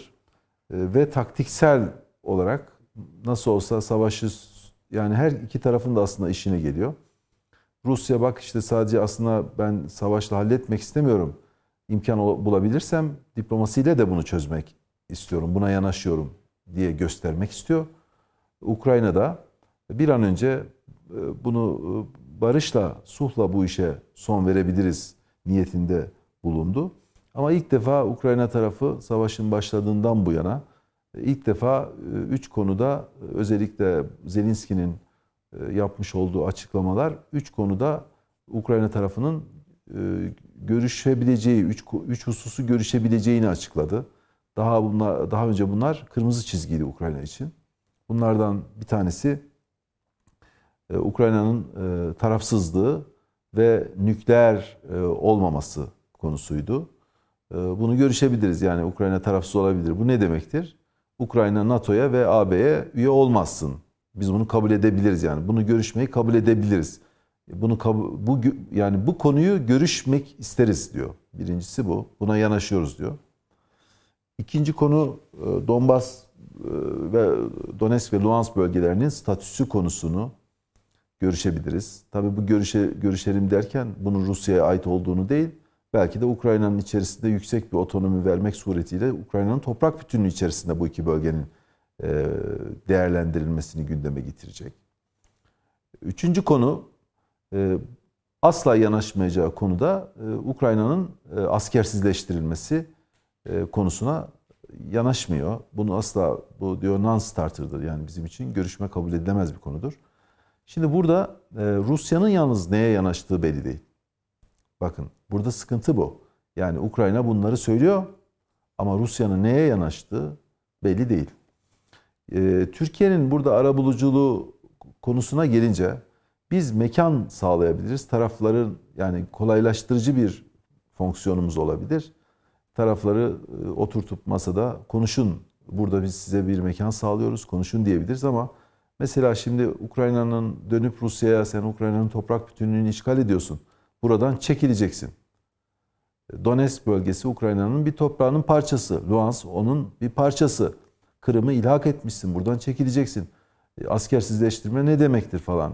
Yani adam kabul etmiyor askersizleştirmeyi. Sen bu konuyu niye gündeme getiriyorsun? Veya statü konusu- konusunda e, Donetsk ve Luhansk'ı vermek istemiyor Ukrayna. Kendi toprak bütünlüğü. Türkiye nasıl diyebilir ki mesela ya ver falan diyemez yani. Dolayısıyla burada Türkiye'nin e, görüşmelere nezaret etmesi e, ve tarafların daha çok öyle cereyan edecektir. Tarafların doğrudan yüz yüze görüşmesi. Yani Türkiye'nin belki masada bulunması ama müzakereyi doğrudan tarafların yapması, e, müzakereci arabulucuya bir şey vermemek. Yani onu devreye sokup bir tarafa haklı bir tarafa haksız dedirtmeden tarafların doğrudan yüz yüze bu talepleri dile getirmesi ki bu da e, zaman alacaktır. Yani e, bundan sonraki görüşmeler, ondan sonraki görüşmeler, belki görüşmeler Türkiye'den başka yerlere taşınacaktır. E, Bir taraftan da savaş devam ediyor. Peki burada amaç ne? Dönelim buna. Yani bu müzakereler devam ediyor. Demin dedim ya taktiksel olarak aslında iki tarafın da bir, bir noktada işine geliyor. Ama peki amaç ne yani? Ne yapmak isteniyor? Ona bakmak lazım. Bence bu tabloyu çok e, iyi analiz etmek lazım. Yani Ukrayna resmen ikiye bölünmek üzere. E, Dnieper Nehri'nin doğusunun e, hep Ruslar o, tarafa dikkat ederseniz yükleniyorlar. Ve burayı tamamen kontrol etmek ve burada korku salarak nüfusu göç etmesini sağlamak ve Dnieper Nehri'nin batısına daha güvenli bölge diye oraya göç ettirmek. Orayı bir nevi nüfussuzlaştırmak e, istiyorlar. E, ve e, ondan sonra da şartları kendileri zaten biz burayı aldık, Donetsk'i, Luhansk'ı aldık, biz burayı daha zaten müzakere edemeyiz di- diyecekler. Zaten Kırım'ı ilhak etmiştik, orayı biz zaten şey yapamayız. Ama şimdi Ukrayna'nın kıyı şeridini de biz alıyoruz. Sana bir çıkış veriyoruz veya çok az bir çıkış veriyoruz demek suretiyle bunu yapmaya çalışıyorlar. Ama aslında Putin'in başlangıçtaki çıkış noktası bütün bu stratejiyi Kiev işgal ederek orada bir kukla yönetim getirip ben bunu ilk daha bu olaylar başlamadan önce açıklamıştım. Putin'in amacı Ukrayna'da bir Kiev Kiev'e bir kukla yönetim getirmek. O kukla yönetim marifetiyle de bu bölgelerin kendisine ait olduğunu yazılı olarak tasdik ettirmekti. Ama bu şu ana kadar olmadı. Olmayacağı anlamına gelmiyor. Rusların özellikle dün ve bugün Kiev'i çevrelemek için büyük bir e, operasyon başlattıklarını biliyoruz. E, ve amacı Putin'in amacı şu bir şaşırtmaca veriyor. Güçleri sanki doğuda çarpışıyormuş gibi bir algı yaratıp bir anda Kiev'in kuşatılması ve orada e, mü- mümkünse Zelenski'nin oradan kaçırılması e, gibi bir stratejisi var. Yani Kiev'i aldıktan sonra şartları konuşmak istiyor. Onun için süreci uzatıyor ve müzakere sürecini uzatıyor. Müzakereyle sanki bir şeyler bekle, bir insanları bir beklentiye sokuyor. Sanki Putin bir şeye yanaşıyormuş gibi. Sanki Putin bir şeyi kabul edecekmiş gibi. Sanki bu savaş duracakmış gibi bir algı yaratmak suretiyle zaman kazanıyor ve oradaki askeri operasyonu tamamlamak istiyor. Benim gördüğüm e, burada çok kritik bir zaman zamanlama var E, ve Kiev e, her an düşebilir yani. Kiev'in savunulması bu zamana kadar çok beklenenden çok daha üstün bir savunma gerçekleştirdi ve oradaki Cumhurbaşkanı da e, halkıyla e, bütünleşti, kaçmadı. Bunlar çok önemli şeyler. Ama Rusya oraya ilave takviye yapıyor ve bunu şaşırtmaca veriyor. Yani Ankara'da müzakereler başladığı zaman ve pardon İstanbul'da yarın e, Putin'in orada kenti çevrelemeyeceğini, iyice orayı sıkıştırıp e, almayacağını e, kimse garanti edemez. Yani Peki. bu böyle bir e, şeyle. İkinci bir konu müsaade ederseniz. Çok kısa Sayın Şimdi burada bir aciz, e, aciz bir aciziyet içerisinde Batı. E, bu- bence e, artık kimse e, şeye güvenmez. Yani e, işte Ukrayna'nın aslında düşmesi NATO üyesi olmasa bile Ukrayna'nın düşmesi, ülkenin fiilen e, Rus işgaline maruz kalması e, Doğu blokundaki ülkelere Amerikan varlığının iyice artırılmasına sebep olacak. Yani Avrupa Birliği'nin içerisinde Amerika'nın gücü daha çok artacak. E, Amerika resmen Avrupa Birliği'ni e, bu vesileyle daha fazla asker bulundurmak ve oraların güvenliğini koruyacağım bahanesiyle daha fazla işgal edecek. Ve Avrupa Birliği bir noktada kontrolden çıkmıştı. Sanki Amerika'ya karşı bir silah e, askeri bir unsur olarak da öne çıkacakmış gibi bir görüntü veriyordu. Bu Ukrayna Savaşı ile birlikte Amerika Avrupa'yı Avrupa Birliği'ni iyice baskı altına almış olacak. Öyle özellikle Estonya'yı, Letonya'yı, Polonya'yı, e, Bulgaristan'ı ve buralar tamamen e, Amerika'nın e, iyice güdümüne girmiş olacak. Yani Putin esasen bu hareketiyle Ukrayna'da belki toprak kazanacak ama Amerika'yı o bölgeye taşımış olacak. Nasıl ki biz güney sınırımızda PYD ile değil de artık Amerika ile sın- sınırdaş olduk. Suriye Savaşı böyle bir sonuç doğurdu. Ukrayna Savaşı da Amerika'yı Rusya sınırına dayamış olacak. Peki. E, Deniz Hocam, e, Mete Yarar şimdi harita üzerinde savaşın genel seyrine ilişkin, daha doğrusu bu ikinci aşamaya ilişkin tespitlerini paylaşacak bizimle ama Evet. öncesinde bu Zelenski'nin e, silahsızlandırma hadisesi hariç Rusya'ya da hani bunu istemiyor muydun? E, Birçok 3 üç maddede zannediyorum yeşil ışık yakmasının e, sebebi sadece muhatabı Rusya değil de hani biraz biraz Avrupa'da diyebilir miyiz? Çünkü e, bu iş özelinde öncelikli başlığın başı çektiği NATO liderler zirvesi gerçekleşti ve bugün biz ona dair hiçbir şey hatırlamıyoruz. Normal mi bu? Şimdi e, ben tabii bunu İkinci Dünya Savaşı öncesindeki yatıştırma politikasına benzetmeyeceğim. O zaman çok kötü çağrışımlar e, yapabilir. E, ancak şunu söyleyeyim, aklıma hep e, Mart, e, Haziran 1940 geliyor. Yani okuduklarımdan tabii. E, yani o nedir? E, işte başlar Almanya, Hollanda, Belçika götürür. En son Paris'i Haziran'a bırakır.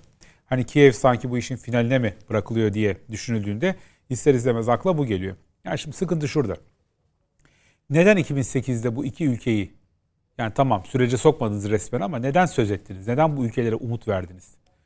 Bu ülkelerin umutlarıyla neden oynadınız? Ve bu ülkeleri neden Rusya'ya karşı kışkırttınız? Bakın bu Rusya'ya bir haklık kazandırmaz. Ama bakıldığında yani Saakashvili'yi hatırlayalım. Tiflis'e yağan bombaları. Sonra gitti Odessa'ya vali oldu. Yani o da ayrı bir hikaye tabii. Şimdi bu anlamda bakıldığında 2014'te yani Kırım konusunda tabii ki kendi toprağı işte şu ya da bu ülke e, donanmasını ya da limanını kullansın diye Ukrayna egemen bir devlet olarak karar verebilir ama bir de işin gerçekçi olması gereken boyutları var. Yani Sovyetler Birliği parçalanırken bir Yalta olmadı. Sıkıntı bence orada. Yani İkinci Dünya Savaşı Yalta ile sonuçlandı. Yani Yalta ile bir simetrik dengeler e, zemini kuruldu. Bir sistem kuruldu. Nüfus alanları ifade edildi. Doğruydu ya da yanlıştı ayrı, ayrı bir konu. Ama bugün bakıldığında yeni bir Yalta yok. Yeni bir Yalta olmadığı için de kim nere- nereye kadar genişleyecek bu çok belli değil. Yani 2004'te anlam planında e, Kıbrıs'la ilgili konu ifade edilirken özellikle 2004'te en büyük genişlemesini yaptı. Hem NATO hem AB. Önce AB yaptı sonra NATO yaptı. Hatta bunu Nicholas Burns ABD'nin e, NATO'daki daimi delegesi ikiz genişleme olarak söylüyordu. İşte Doğu Avrupa'ya ve Balkanlara doğru genişledi. Bu genişleme belli bir noktadan sonra e, istiyap haddini dolduran bir genişlemeye doğru dönüştü. Kendi üyelerine dahi yeterince garanti verip vermediği bugün tartışılır bir NATO'dan bahsediyoruz. Bir yandan konsolidasyon var. Evet ABD okyanusun ötesinden batılı müttefikleri kendi yanına çekiyor diye söylüyoruz. Ama bir yandan ben tekrar söylüyorum ben Polonya'nın çok rahat olduğunu düşünmüyorum. Çok net söyleyeyim size. Yani 25 kilometre sınırında bomba patladı. E, o bir NATO üssü değil ama NATO eğitim merkeziydi Ukrayna'daki. Dolayısıyla bu ülkenin e, Nazi e, Almanyası ve Sovyetler Birliği tarafından eş zamanlı işgale uğradı ve belli bir zaman diliminde dünya haritasından silindi bir süreç yaşandı. Yani bugün yani hep 5. madde deyip işi geçiştiriyoruz ama bu anlamda bakıldığında NATO o güveni ne kadar veriyor, vermiyor ya da kendisini Amerika Birleşik Devletleri daha fazla bağımlı hissettiriyor sorusuyla beraber ne kadar güvenli hissediyor bu ülkeler? Bence biraz da onu sorgulamak lazım. Bu ciddi bir problem. Yani o yüzden NATO açısından ciddi bir e, sıkıntı derken tam da bunu ifade etmeye çalışıyorum. Yani Yunanistan'ın durumunu düşünün. Konuyla hiç alakası yok gibi gözüküyor. Peskov e, Yunan televizyonuna konuştu. E, dedi ki yani e, de, e, bu hani e, yaptırımlara uyması konusunda dedi ki siz de NATO üyesiniz ama Türkiye de NATO üyesi dedi. Ama Türkiye farklı bir NATO üyesi dedi. Yani bu yaptırımlara sizin gibi bu şekilde ve cevap e, veremediler bu anlamda bakıldığında. O yüzden ben bir önceki konuşmada onu söylüyordum. Çok çabuk tamamlayayım. Türkiye hani soğuk savaş sonrası hani Batı lehine stratikocu stratejik strate, bir e, stratejik orta boy devlet olarak düşünülmemesi gerekir derken Türkiye bir kompartıman siyaseti uyguluyor. Bu anlamda bakıldığında evet NATO üyesi, evet ABD müttefiki ama Rusya ile de ilişkilerini bu anlamda dengeli olarak götürüyor ve coğrafyada bize bunu dengeli götürme gereğini hissettiriyor. Birinci Körfez Savaşı'na kapattık petrol boru hattını. Bunun en büyük bedelini biz ödedik zamanında. Dolayısıyla yani baktığımızda e, yaptırım hani e, NATO üyesi ABD, NATO üyesi e, Yunanistan'ı Dede Ağaç'tan Girit'e kadar silahlandıracak. NATO üyesi ABD PKK, PYD terörünü silahlandıracak. McGörg'ü kendi temsilcisi yapacak e, akıl hocasını. E, silahlandıran adamı e, US CENTCOM'un eski komutanı Austin'ın savunma bakanı yapacak. Dolayısıyla bu anlamda bakıldığında her ülkenin bir tuttuğu çetele var. Türkiye'nin de tuttuğu çetele var ama bu bir agresyonla Türkiye sağa sol dağıtarak değil tam tersi dengeyi gözeterek hareket etmek durumunda. Çünkü coğrafya hani kaderdir sözünü tekrarlamak istemiyorum artık çok pelesenk oldu dilleri ama Gerçekten değil. O dengeleri çünkü korumadığımız müddetçe yani bizim hem ABD ile hem NATO ile hem Rusya ile eş zamanlı bu ilişkileri Peki. götürebilecek bir e, zemini ortaya koymamız gerekir diye düşünüyorum. Peki Ukrayna heyeti gelmiş bu arada İstanbul'a e, yarınki görüşme için gözler İstanbul'da olacak. Az önce e, ifade etmiştik. Görüntüsü de evet şu anda ekranda heyetin uçaktan inerkenki görüntüleri zannediyorum Atatürk Havalimanı burası. E, yarın sabah için de bir gözden geçirme olacaktır. Gözler o görüşmeye çevrilmeden önce Ukrayna heyetinin İstanbul'a gelmesiyle ilgili görüntüleri de paylaşmış olduk. Mete Yarar, e, Deniz Hocam'ın söyledikleri önemli fakat sahaya da biraz bakalım istiyorum. E, bu birinci aşama bitti, ikinci aşama nereden nasıl başlayacak? Bir de e, Şimdi bir hedefe ulaşılmış yani birinci aşamada bir hedefe ulaşılmış toprak açısından bakıldığında Ukrayna'nın kaybettikleri göz önünde bulundurulduğunda Rusya tarafında böyle bir şey söz konusu olabilir. Ama ikinci Yok, hiç aşamaya hiç geçiş öyle değil. işte öyle mi değil mi? Bir. Bu öyle sorunun birinci kısmı bu.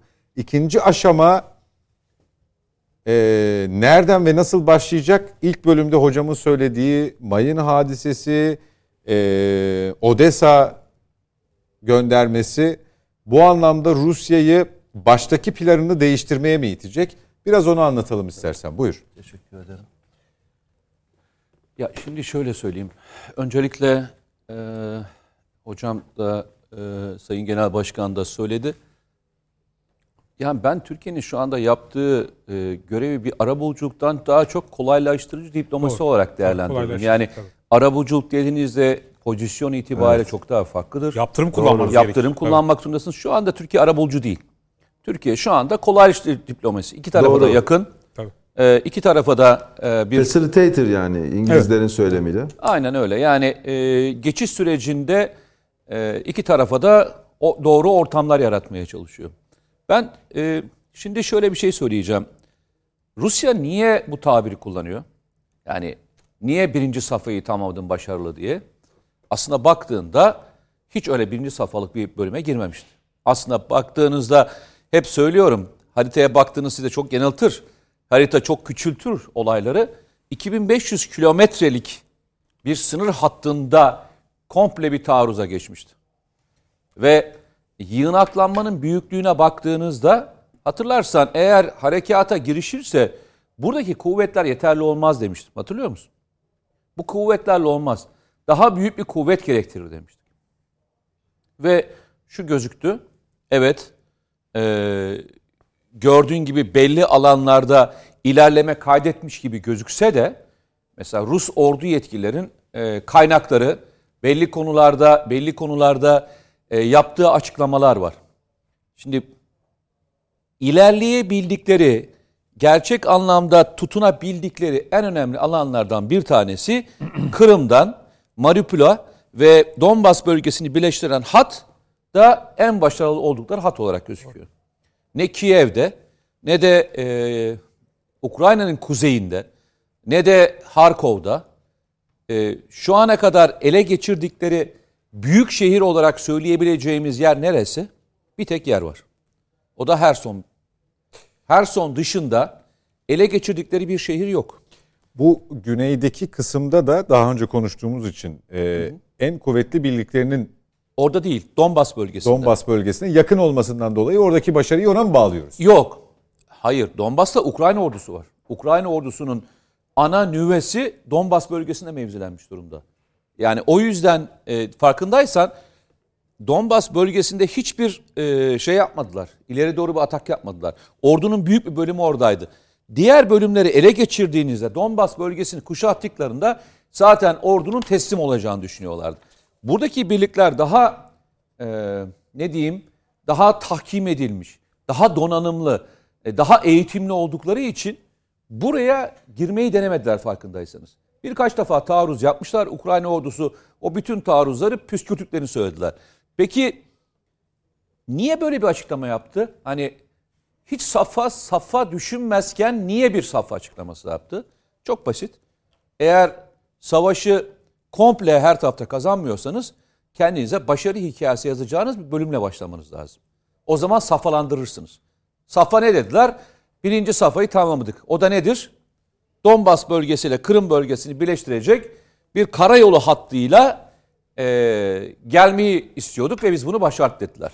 Ha, şimdi kendi kamuoyuna baktığında şu mesajı veriyorsun. Aslında ben planlı gidiyorum. Bakmayın şimdi yukarılardaki operasyonların ilerlemediğine. Zaten benim asıl hedefim aşağıydı. Bu taktik strateji o zaman. Taktik strateji değil. Bu tam şey e, psikoloji. yani kendi toplumuna mesaj veriyorsun. Aslında öyle değil de e, giren birliklerin büyüklüğüne, diğerlerine baktığında Kiev bölgesinde giren veya kuzeyden giren birliklerin sayısı Kırım'da giren birliklerin sayısından az değildi ki. Orada da çok büyük.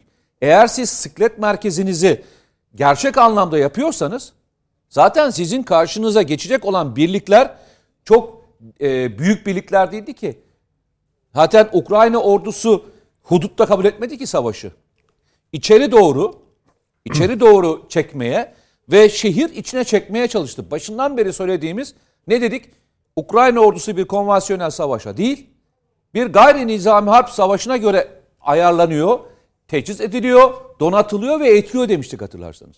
Siz hiç tankların karşı karşıya geldiğini, bir tank muharebesinin yapıldığını, herhangi bir yerde orduların karşı karşıya geldiğini gördünüz mü?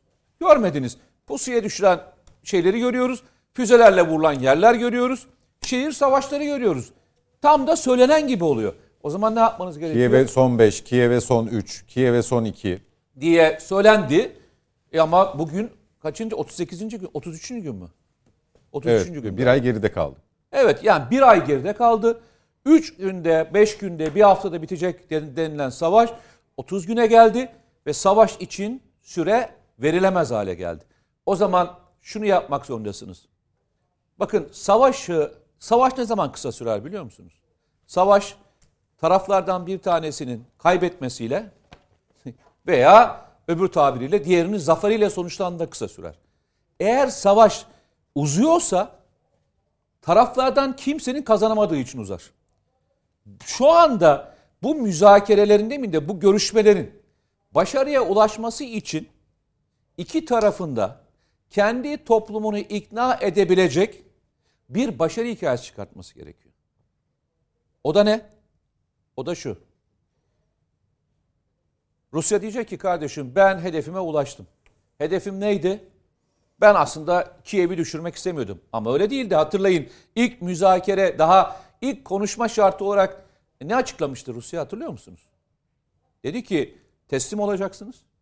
İkincisi e, silahlarınızı bırakacaksınız. Biz o şartlarla sizle konuşmaya başlarız demişti. Hatırlıyor musunuz? İlk konuşma şartı buydu. E, şey ne diyordu? Ukrayna diyor, ne diyordu? E, siz de geri çekileceksiniz. En ufak e, aldığınız yerleri geri vereceksiniz. Ondan sonra size konuşabiliriz.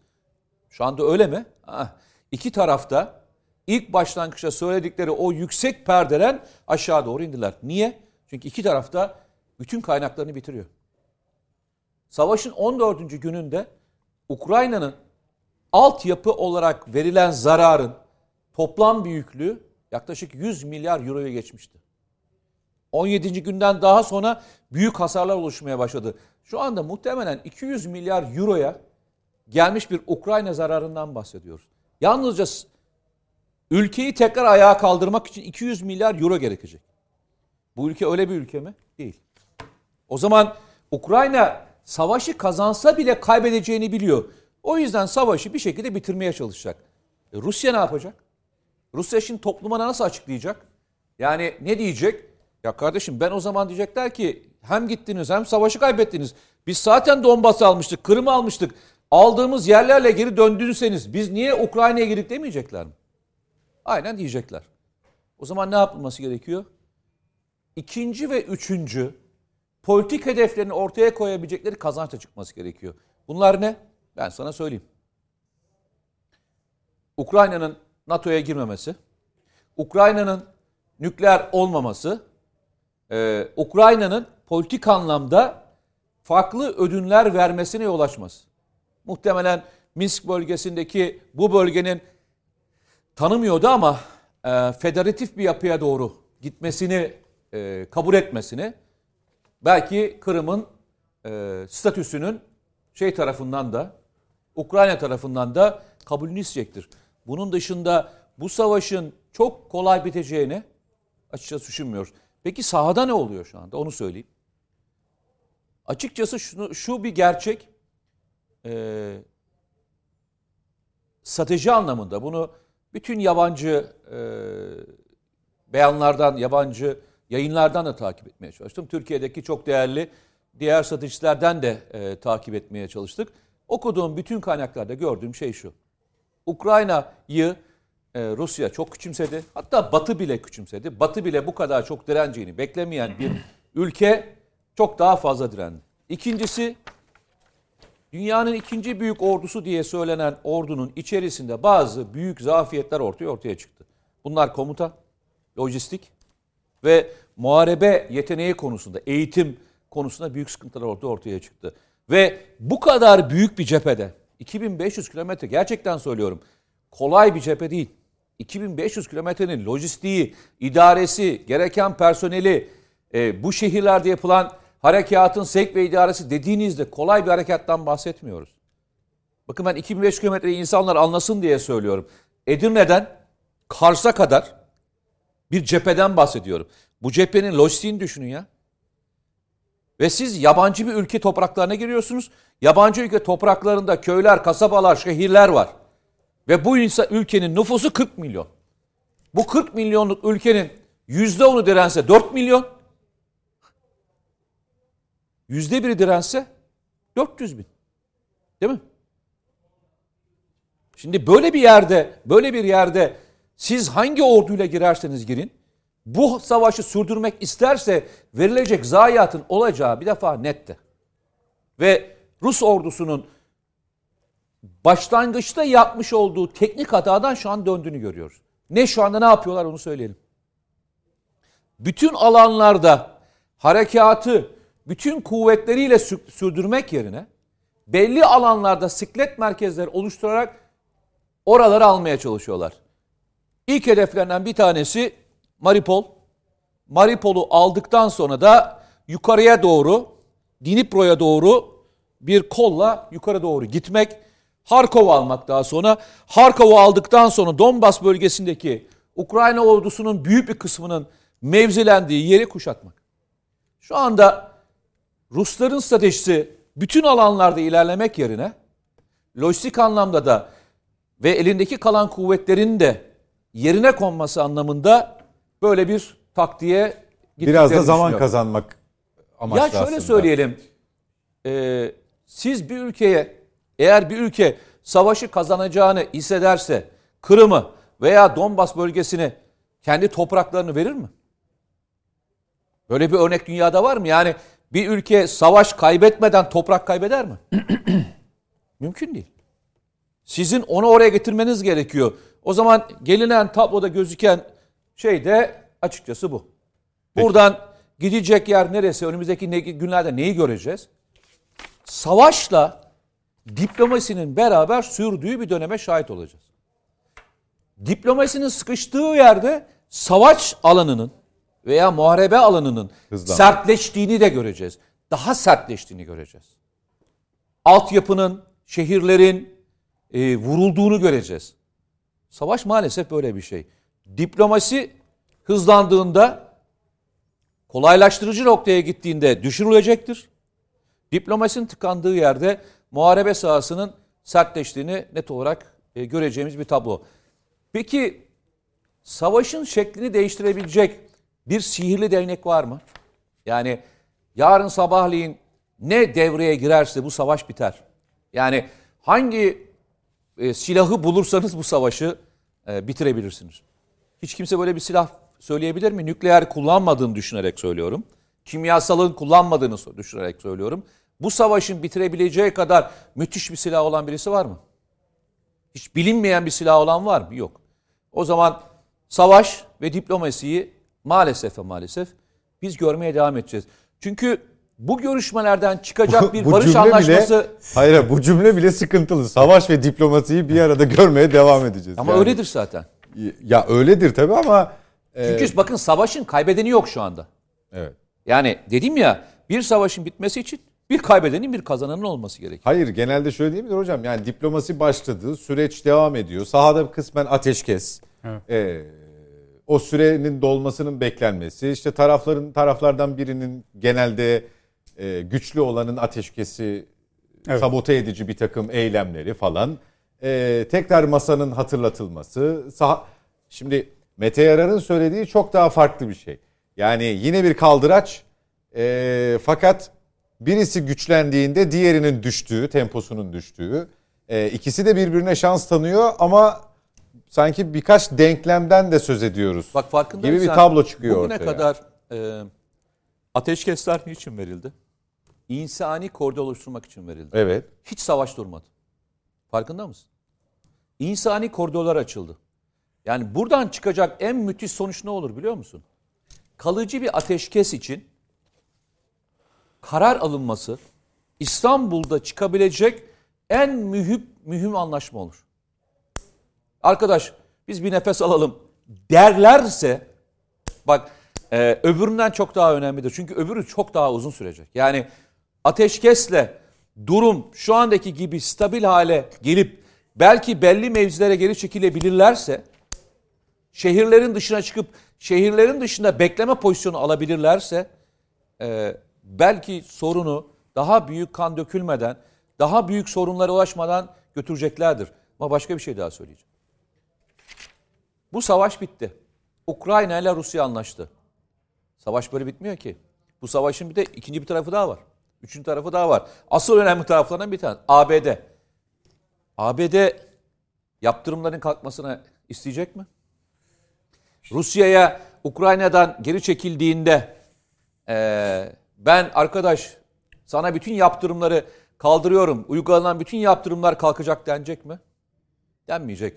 Muhtemelen bu savaşın bitilmesiyle ilgili Rusya Ukrayna'nın bu konuda bir herhangi bir sözü geçmese bile bu savaşın bitirilmesiyle ilgili bütün yaptırımların kaldırılmasıyla ilgili bir şartı muhakkak o anlaşmanın metnine koyduracaktır diye değerlendiriyorum. Peki. Nedim Şener, buyurun Mete Yarar, teşekkür ediyoruz tekrar. Ee, Nedim Şener, NATO'nun bu liderler zirvesi, oradaki ikili görüşmeler, e, bizim yine tabii e, arabuluculuk değil ne dedin sen Mete Yarar? Kolaylaştırıcı. Kolaylaştırıcı. Kolaylaştırıcı diplomasinin orada konuşuluyor olması bizim adımıza. Sayın Cumhurbaşkanı'nın ikili görüşmelerine de bunun yansıması. Diğer uluslararası liderler tarafından da aktörler tarafından da bu hakkın teslim edilmesi. Fakat bütünsel olarak baktığımızda NATO'nun ben geçmişteki savaş dönemleri değil hani 5. madde hatırlatmasına gereklilik normal şartlarda bir diplomasi trafiği Birleşmiş Milletler nezdinde olan zirveler de dahil olmak üzere günlerce konuşulduğunu, üzerinde bir takım e, bildiri yayımlandıktan sonra bile fikir yürütüldüğü süreçler hatırlarım. Sen de öyle. Şimdi e, elimizde hiçbir şey yok bu zirveye dair.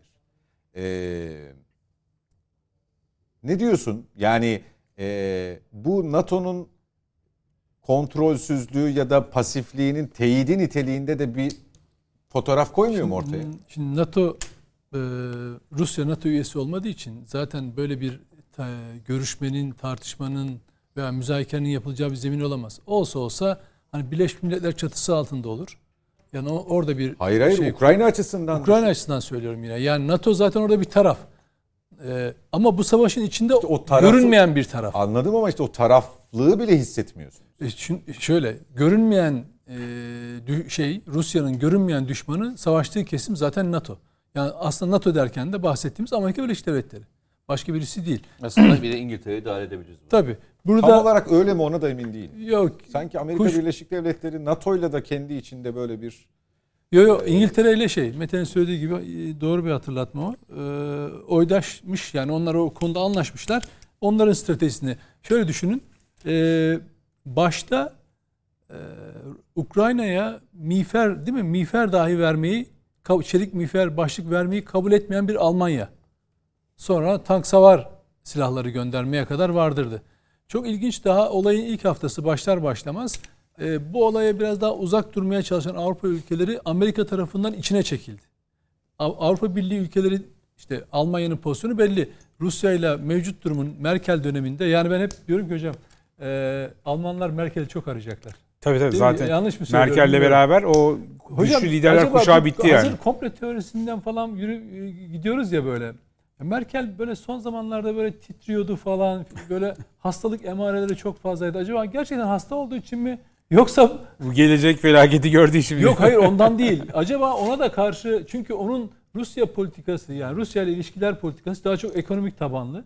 Tabii. Ve Almanya'nın menfaatleri Tabii de çıkarlara da Ama yani. Realist bir politika. Merkel son zamanlarda her e, törenlerde falan titreyen, e, yurt dışı gezilerinde böyle sağlık sorunları e, gözle görünür hale getirilen medya Sonra tarafından vazgeçtikten sonra e, hiçbir sorunu kalmadı. kalmayan Normale döner. yani inanın yani Tabii, her şey onu düşündüm biliyor musunuz? Yani Almanlar Merkel'i çok arayacaklar diye düşündükten sonra Merkel'in son e, o dönemlerinde yaşadığı o sağlık sorunları böyle kadıncağız tir tir titrerdi falan.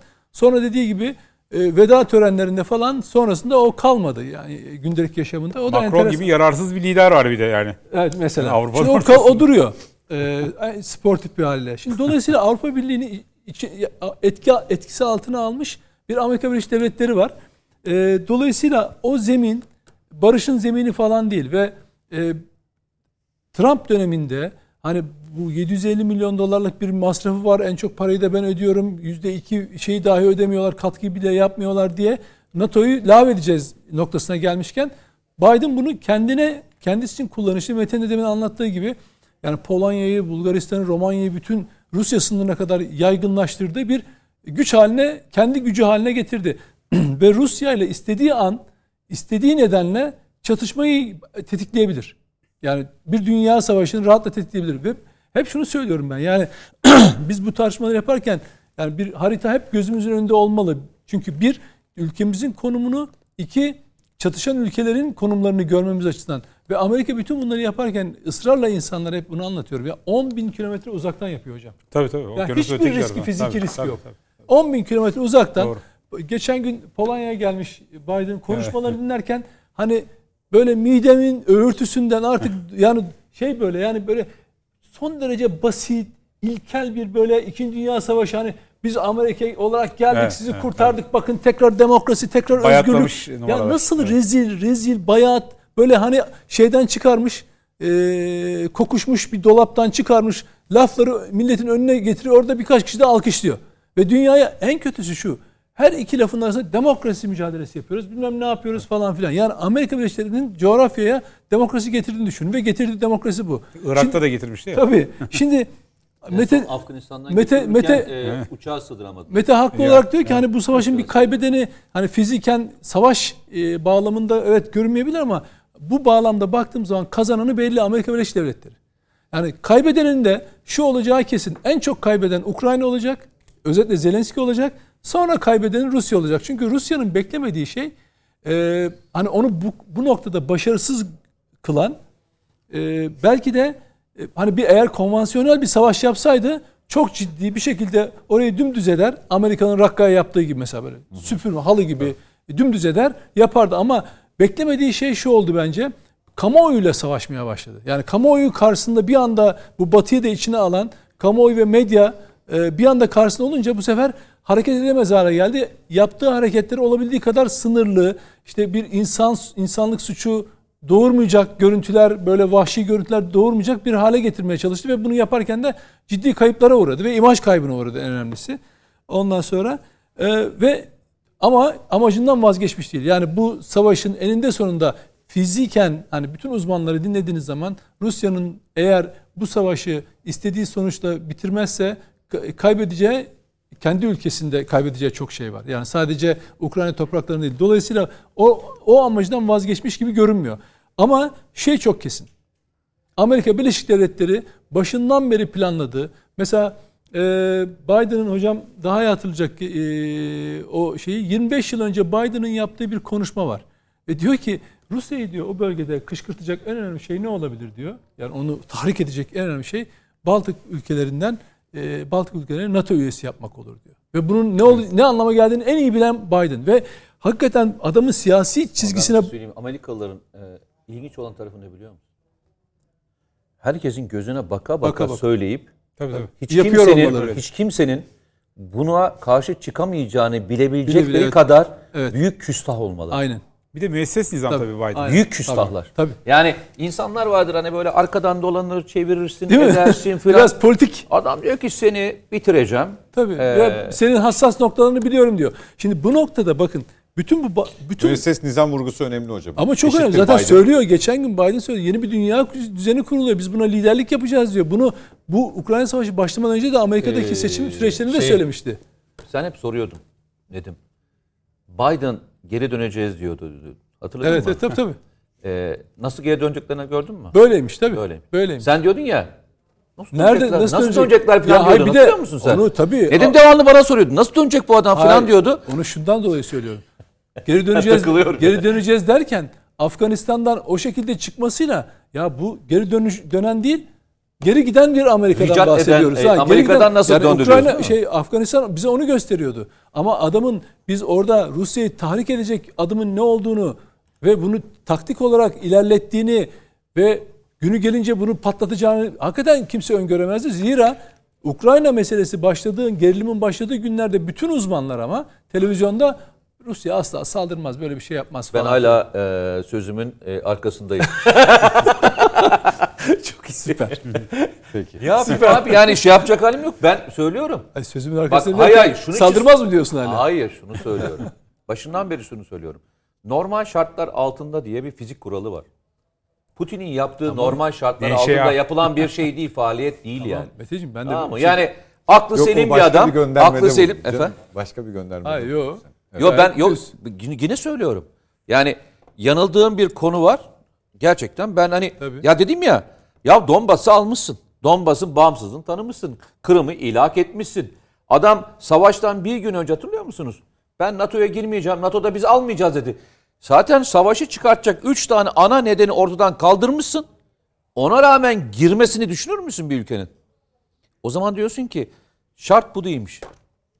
Ya da burada başka bir şey var diyorsun. Onu da Evet. gördük zaten zaman içinde. Yani gördük. Ya Daha din, da- batısını ben asla hedeflediğini hiç düşünmedim açıkçası. Hala da düşünmüyorum. Ama yani yok Lviv'i bombalıyor, yok Polonya'ya yakın yerleri bombalıyor. Bu biraz hani belki gözdağı vermek açısından değerlendirilebilir.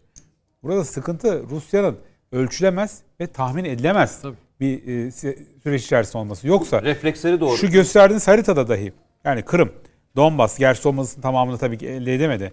Mariupol arasındaki yerleri elde ettikten sonra aslında bir de Ukrayna NATO üyesi olmazsa işte siyasal hedefleri gerçekleşmiş demektir yani o Peki. anlamda baktığımızda. Sayın Öztürk Yılmaz e, tamamladın değil mi? Hayır, Tamam. Burada burada e, şeyin e, bakın Rusya'nın Rusya'nın belki e, böyle bir savaş sırasında e, düşük olasılık olarak gördüğü risklerden birisi bu denli büyük bir ekonomik abluk ve yaptırım. Bu, bu kadarını öngörmemiş olabilir. Bence Evet böyle bir yaptırım. Çünkü yani şu şu bir şey normal ins- Hayır hocam ya Swift'ten çıkarmak demek bir kere onun onunla ticaret yapanları da etkileyen bir Ben karar olduğu şey için. söyleyeceğim. 2014'teki Donbas'ın alınmasından sonra e, örtülü olarak başlayan Kırım. am- yok hem Donbas da zaten e, işte Hibrit bir şeyle ikisi e, ikisi beraber aynı zamanlara denk geliyor. Donbas ve diğeri. Avrupa ile e, Rusya'nın ticaret hacmi 400 milyar dolar. Olay başladıktan sonra ambargolar başladıktan sonra yarı yarıya düşüyor. Aslında bir ekonomik ambargonun e, varlığı zaten ortadaydı. Tamam. %50 ne demek ya? Tabii. 400 mi- küsür milyar dolardan 200 küsür milyar dolara inmişsin. Tabii Az ondan, para değil bu ondan yani. önceki birçok başka Peki, olaylar konusunda yap, yaptırımlar gündeme geliyordu ama Swift'ten çıkarmak gibi yani karşı ülkenin ticaretin öbür tarafı olan Batı ülkelerini de etkileyecek bir kararı almasını kimse beklemiyordu. Hatta almadılar da nitekim baskı sonucunda onu yaptılar. İkincisi bu, bu denli bir kamuoyu ama bu şunu e, getiriyor Rusya açısından. Dezavantajı olan şey bir anlamda avantajına da dönüşebiliyor. Biz onun ne yaptığını okuyamıyoruz. Yani hocam da diyor, bütün uzmanlar da söylüyor. Hani Rusya ağır ağır bir şeyler yapıyor. Şimdi biz diyoruz ki, diyor, diyor ki biz planımızı ilerletiyoruz. Peki. Öyle mi değil mi dahi bilmiyoruz. Çünkü biz Rusya'nın ne yaptığını öğrenemiyoruz. Batı medyası ciddi şekilde bir karartma yapıyor. Yani bütün ona bağlı ajansları, hepsini haber e, kanallarını kapamış durumda. Oradan hiçbir bilgi alamıyorsunuz. E alamayınca Rusya kendi şeyini yapıyor ve öngörülemezliği oradan geliyor biraz. Ama şu biliniyor. Yani Eğer bu savaşın, bu çatışmanın, bu savaşın sonunda Rusya istedi bu askeri stratejiyle ya da bu e, savaşla amaçladığı siyasi hedefe ulaşamazsa ki o da Zelenski'nin gidişi ya da onun ona biat ederek e, aynı Belarus benzeri bir şey mesela. olması o zaman Rusya'nın kazanımı. Çünkü Rusya başında şunu söyledi. Hani ben bütün ülkeyi işgal edeceğim, oraya da birini oturtacağım falan demedi. Yani NATO'ya üye olmayacağını söyle, şu bölgeler, bu bölgeler falan diye şartlarını koydu. Ondan sonra onun için mesele bitiyor. Eğer bu şimdi bugün Zelenski kahraman olarak gösteriliyor. Yani gerçekten hani ülkesini savunuyor falan tamam fiziken. Ama ileride bu siyaseten değerlendirildiğinde, diplomatik olarak değerlendirildiğinde kardeşim sen eğer gittin İstanbul'da, işte Belarus'ta, Polonya'da görüşmeler yaptınız ve sonunda evet dediniz ki NATO'ya üye olmayacağımıza dair taahhütte taahhüt ediyoruz. İki anayasadan da bunu çıkartıyoruz. E, tamam Donbas'ı da Donetsk'i, Done- Donbas bölgesini de kabul ediyoruz. Kırım da zaten elden gitmişti falan filan. Dediğinizde insanlar size şunu sorar. E bunu baştan niye kabul etmedin? Devlet adamı oradan orada gerekir. Devlet adamı oturup hani elinde kimse bir siyasetçiden silah alıp çatışmasın değil ama devletini iyi yöneten, iyi diplomasi yürüten bir e, şey be- bekler. O zaman insanlar şunu sorgulayacaklar. Sen bu, bu çatışmada kimin aracıydın? Bu ülkenin işgal edilmesine kim adına bu kadar sebep oldun dendiği zaman gerçek kahraman mı e, Değil ya mi? da Oradan değil mi oradan ortaya çıkacak zaten. Tam da Nedim Şener'in bıraktığı noktadan devam edelim. Zelenski'nin durumu, yaktığı yeşil ışıklar sadece Rusya'ya cevap niteliğinde mi? Yoksa e, Batı'ya da bir şekilde bir şey anlatmaya çalışıyor mu diyebiliriz ki daha önce de buna benzer açıklamaları gördük. En neti buydu belki. E, bir yandan da Rusya'nın e, ilerlemesi noktasında çok da planlı bir faaliyetten söz etmediğimiz noktası sahadaki yansımalarıyla beraber ortada gibi gözüküyor. Bu konuda ne düşünüyorsunuz? Biraz deneme yanılma gibi gidiyor. Bunda e, bunu kendi adına bir kayıp olarak da görmüyor gibi. Doğru mu Sayın Yılmaz? Şimdi bakın Rusya'nın operasyonunun yavaş gittiği doğru. Ama unutmayın bizim Afrin operasyonu bile 2 ay 4 gün sürdü. Yani bir Afrin operasyonu 2 ay 4 gün sürdü. Ee, bu e, burada e, Rusya'nın e, yapmış olduğu e, operasyonda e, kayıp vermesi, bir anda Kiev'i alamaması, e, sanki bir e, İngilizlerin deyimiyle setback yani bir geri adım gibi görünse de e, bunun e, böyle olup olmayacağını ilerleyen günlerde göreceğiz. Şu anda Rusya toprak kazanıyor. Rusya şehirleri yıkıyor. Rusya Ukrayna ordusunu savaş normal bir cephe savaşın savaşına na, dan ürkütmüş durumda. Ve şehir savaşı resmen veriliyor. Şimdi dolayısıyla Rusya'nın hani bu e, burada kaybettiği şeklindeki bir tez doğru bir tez olmaz. Bakın ben benim e, elde ettiğim bazı özel bilgiler var. Müsaade ederseniz paylaşmak istiyorum. Şimdi arazide bu savaş başladığında normalde Ukrayna ordusu dikkat ederseniz Savunma Bakanlığı ortada yok. Ukrayna Savunma Bakanlığı yok. Peki kim yapıyor bu savaşı? Ukrayna istihbaratı almış durumda. Yani daha çok Ukrayna istihbaratı götürüyor bu işi. İki, e, şehir e, savaşına yani e, göre bir e, tertip alınmış. Daha önceden belli ki bunun e, hazırlığı bir şekilde yapılmış. Yani e, son gün savaş başladığında bazı silahlar dağıtıldı vatandaşlara ama ondan önce de bununla ilgili bir çalışma yapılmış belli. Bu da ikinci bir konu. Şimdi üçüncü bir konu paralı askerler. Bakınız benim evet, yine e, özel kaynaklardan elde ettiğim bilgiye göre e, Esad ordusundaki Kaplan Birliği diye denen birliklerden bayağı bir e, insan, e, asker alındı. E, ayrıca Rusya'ya yakın YPG e, ve Çeçenler ve diğer e, bazı işte e, Dağıstan'dan ve diğer yerlerden paralı askerler toplanıyor. E, Bunu be- benzer şeyi Ukrayna'da yapıyor başka kaynaklarda. Şimdi dolayısıyla burada savaşın e, çok böyle e, sadece Ukrayna ile Rus askerler arasında yapılmadığını e, bilmemiz lazım.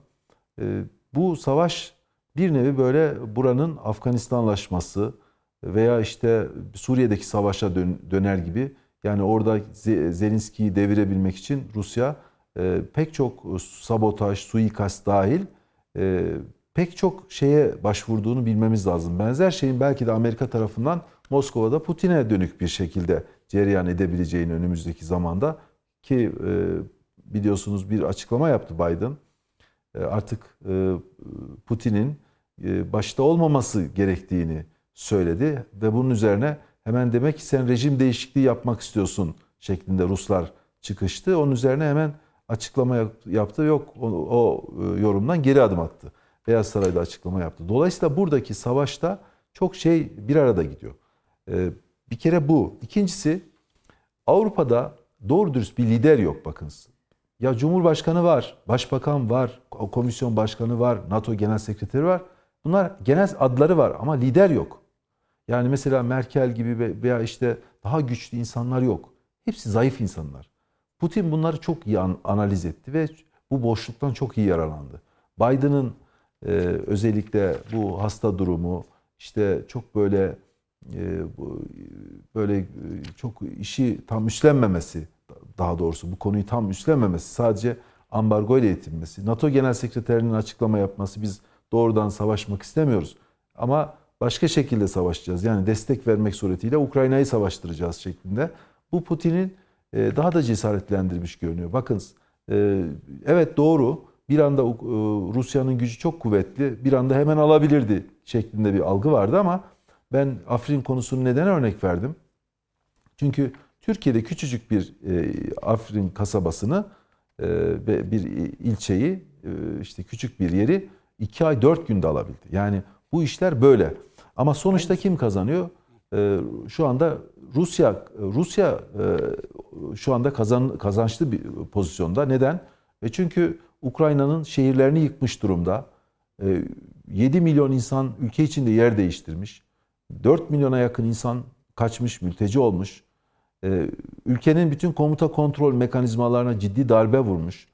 Ee, savunma sisteminin önemli bir kısmını felç etmiş. Ve e, yıkıyor yani ülkeyi yıkıyor resmen yıkıyor.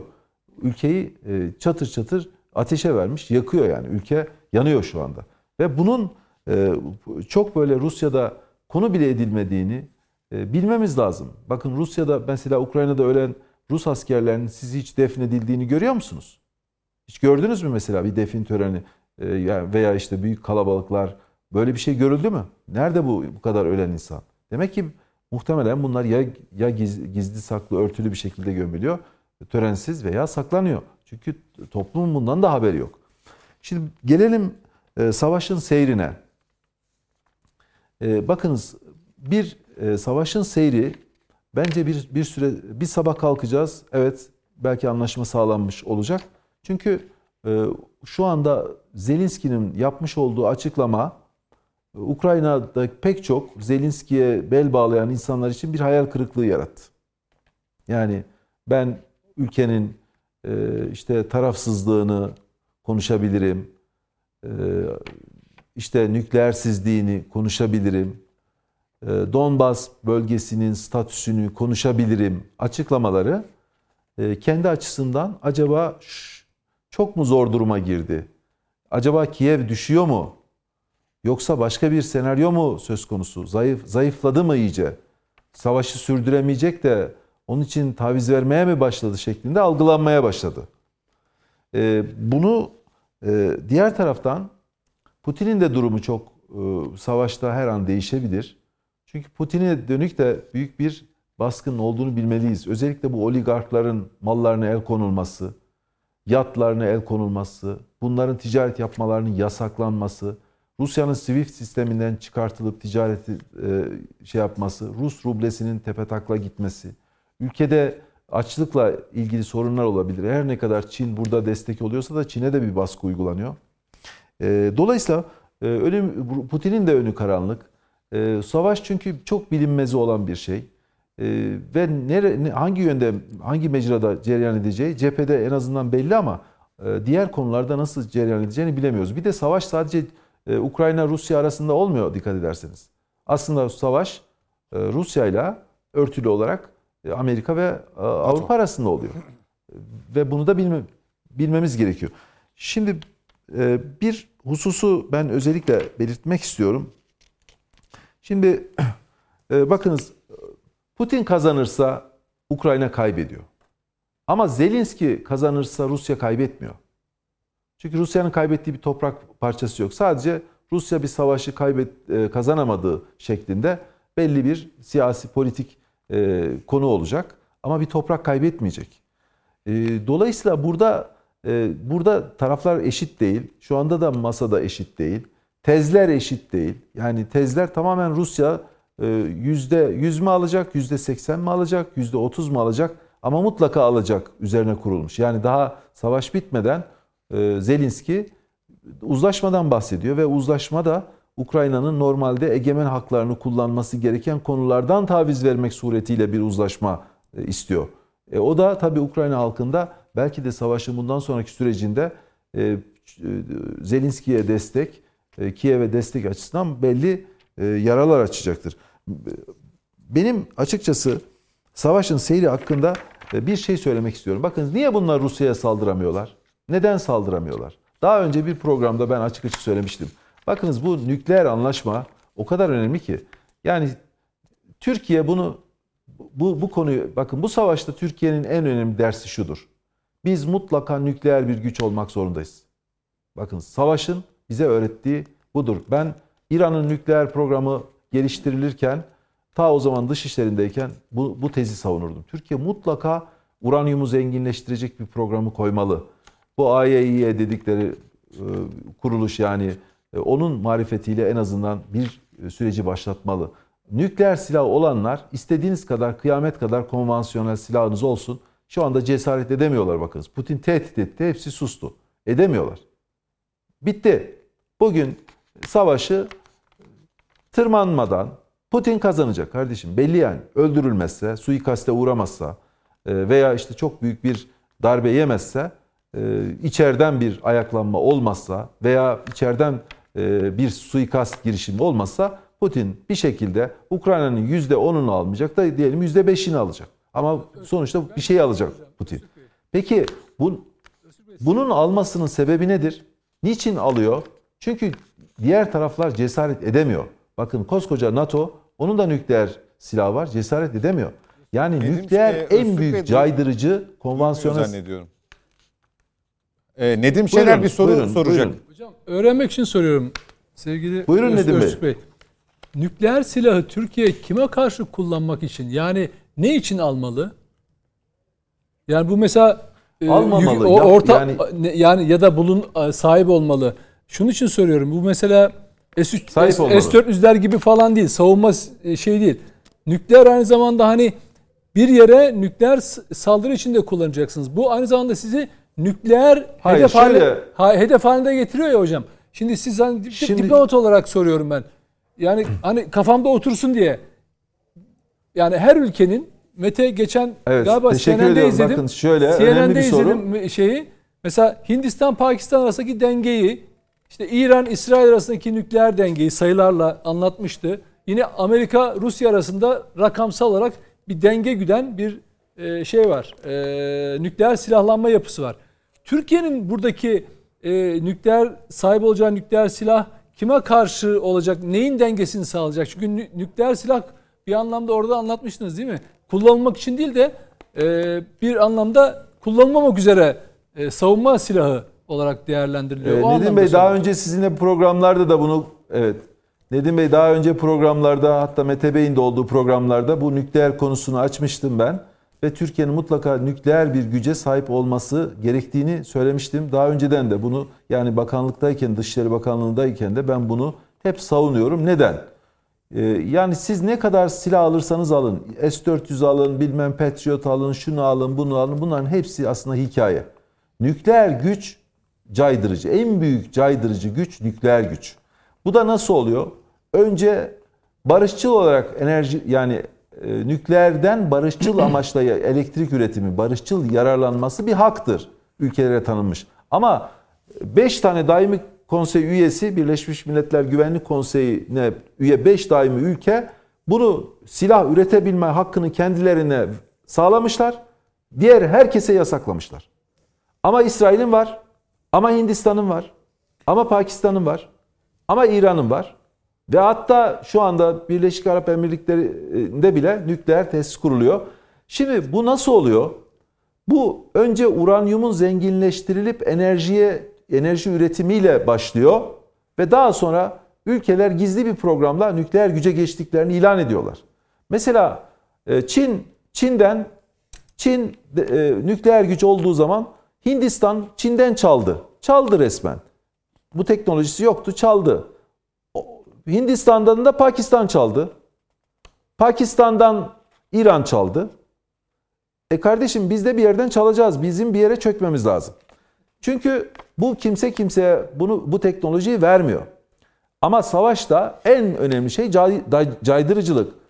Bunu yani espri olarak algılayabilirsiniz ama işin gerçeği bu. Kimse kimseye gelip nükleer şey kurmaz. Uranyumu bakın İran İran'ın nükleer programları programı ile ilgili görüşmeler devam ederken İran diyorlar ki uranyum üretmesin. Biz Rusya verelim. Gene Rusya'ya bağlıyorlar.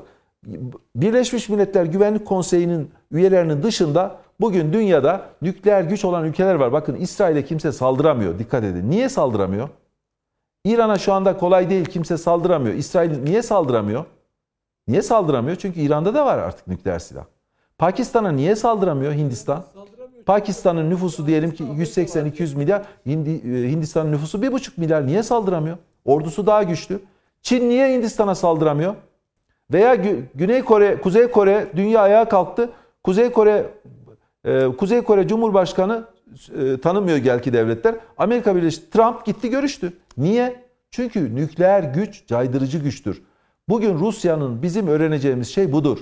Öyle eften püften şeylerle uğraşmak yerine o onu dedi bu bunu dedi. Bizim Türkiye'nin oturup bunu uranyum zenginleştirecek barışçıl amaçla bunu başlatacak bir programda Peki. olması lazım. Ben ancak bu kadar söyleyebiliyorum. Bunun böyle ilan ederek davulla zurnayla olmaz ama devletseniz bunu da yapmak zorundayız. Ben şahsen Yenilik Partisi olarak bizim programımıza bunu yazmışız. Nükleer olmadan bir ülke caydırıcı olamıyor. Bakın bütün dünya bir araya geldi. Putin'e saldıramıyor. Neden? Çünkü Putin nükleer kullanır. Diyeceksiniz ki Amerika'da kullanır. Evet o zaman 3. Dünya Savaşı çıkar. Bunu da kimse göze alamıyor. Yarın Türkiye'ye karşı bölgede diyelim birisi bir şey kullanmaya çalışsa biz biz evet elde etmiyoruz ama ya, yarın İran bize karşı e, bir şey yapsa biz İran'la eşit miyiz? İran'la eşit değiliz asla. İran şu anda nükleer güçtür bakınız. İsrail'le eşit miyiz? Değiliz. İsrail nükleer güçtür. Rusya ile eşit miyiz? Değiliz. Çünkü Rusya nükleer güçtür. Fransa ile eşit miyiz? Değiliz. Çünkü Fransa nükleer güçtür. İngiltere nükleer güçtür. Çin nükleer güçtür. Bakın bunları bizim bu bu dönemde bunu öğrenmemiz lazım. Bence Peki. işin özü budur. Nükleer gücü olduğu için kimse Putin'e yanaşamıyor. Peki. E, Mete Yarar e, benim de aklıma takılmıştı. Bilmiyorum o konuyla mı gireceğini. Afrin benzetmesi yaptınız ya.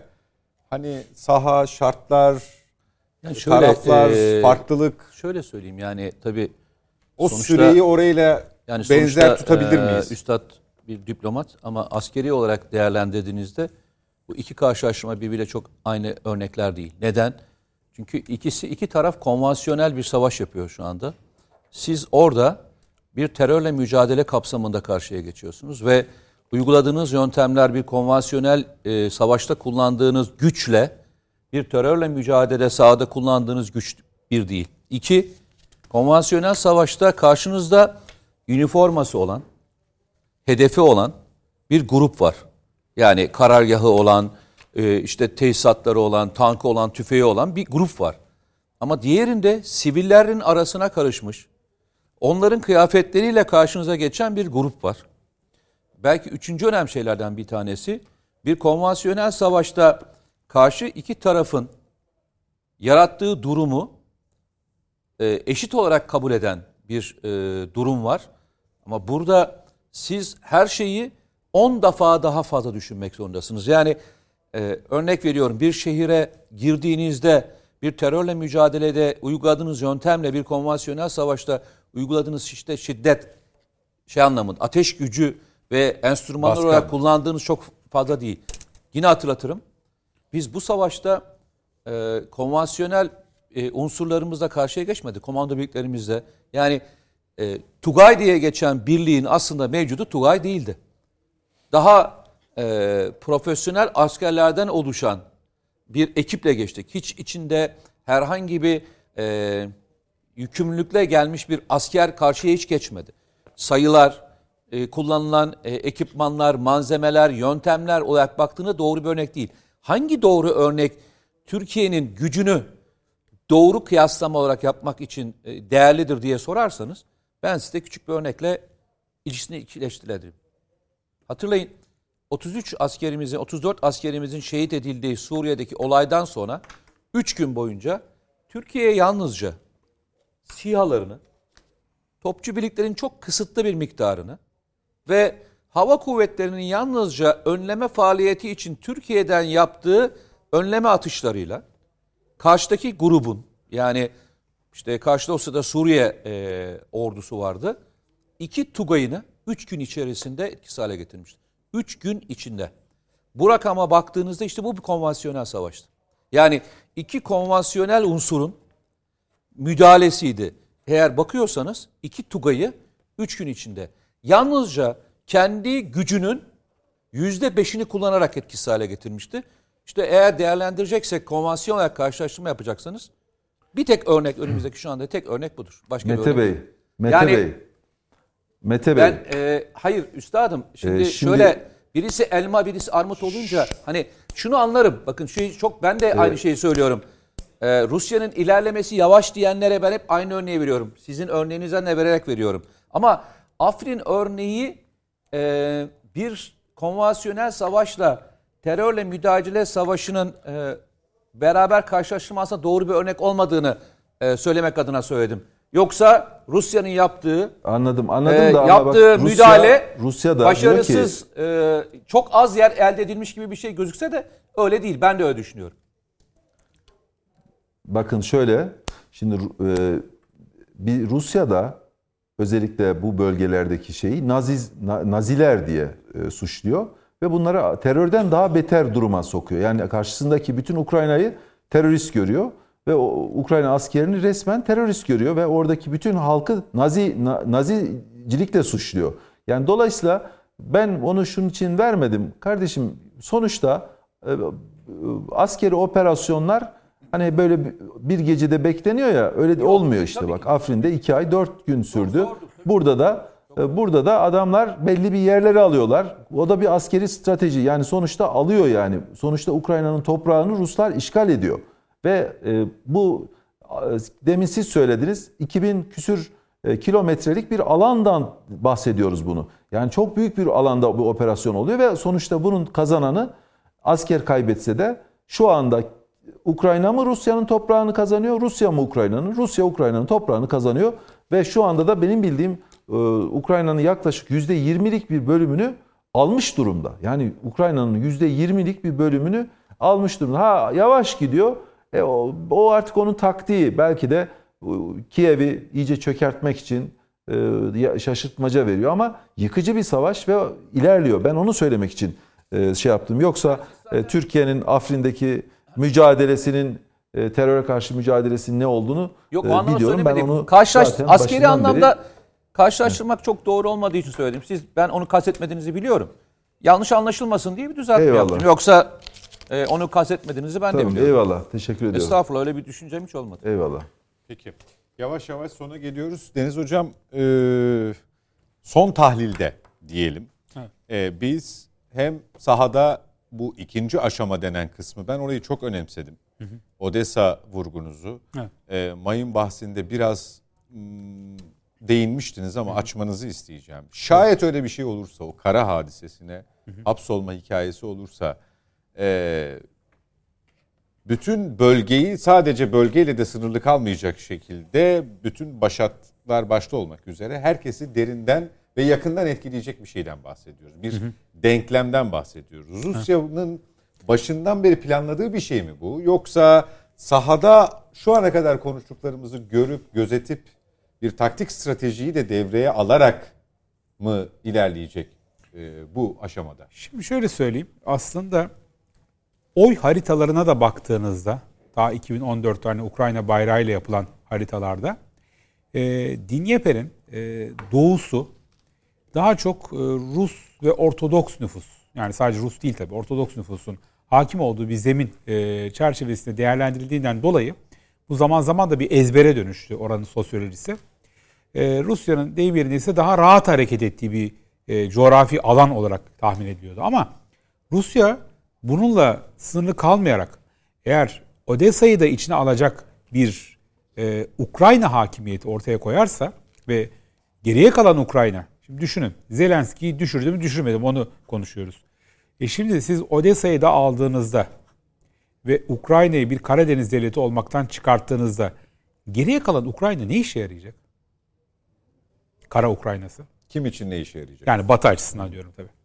Ve tabii bir devlet olarak yani bakıldığında bu kadar büyük toprak kayıpları eğer olursa bunların hepsi tabii birer varsayım. Varsayın. Şimdi ya da sadece o ince hat yani Donbas'tan Kırım'a kadar olan ince hat olursa o tabii ayrı bir e, tartışma konusu. Ama o da tabii ki bir toprak kaybı. Ama benim asıl burada dikkat çekmeye çalıştığım konu şu. Hem Ukrayna hem de Rusya bu anlamda paralı askerlerden bahsediyor. Şimdi en tehlikeli konu bu. Niye?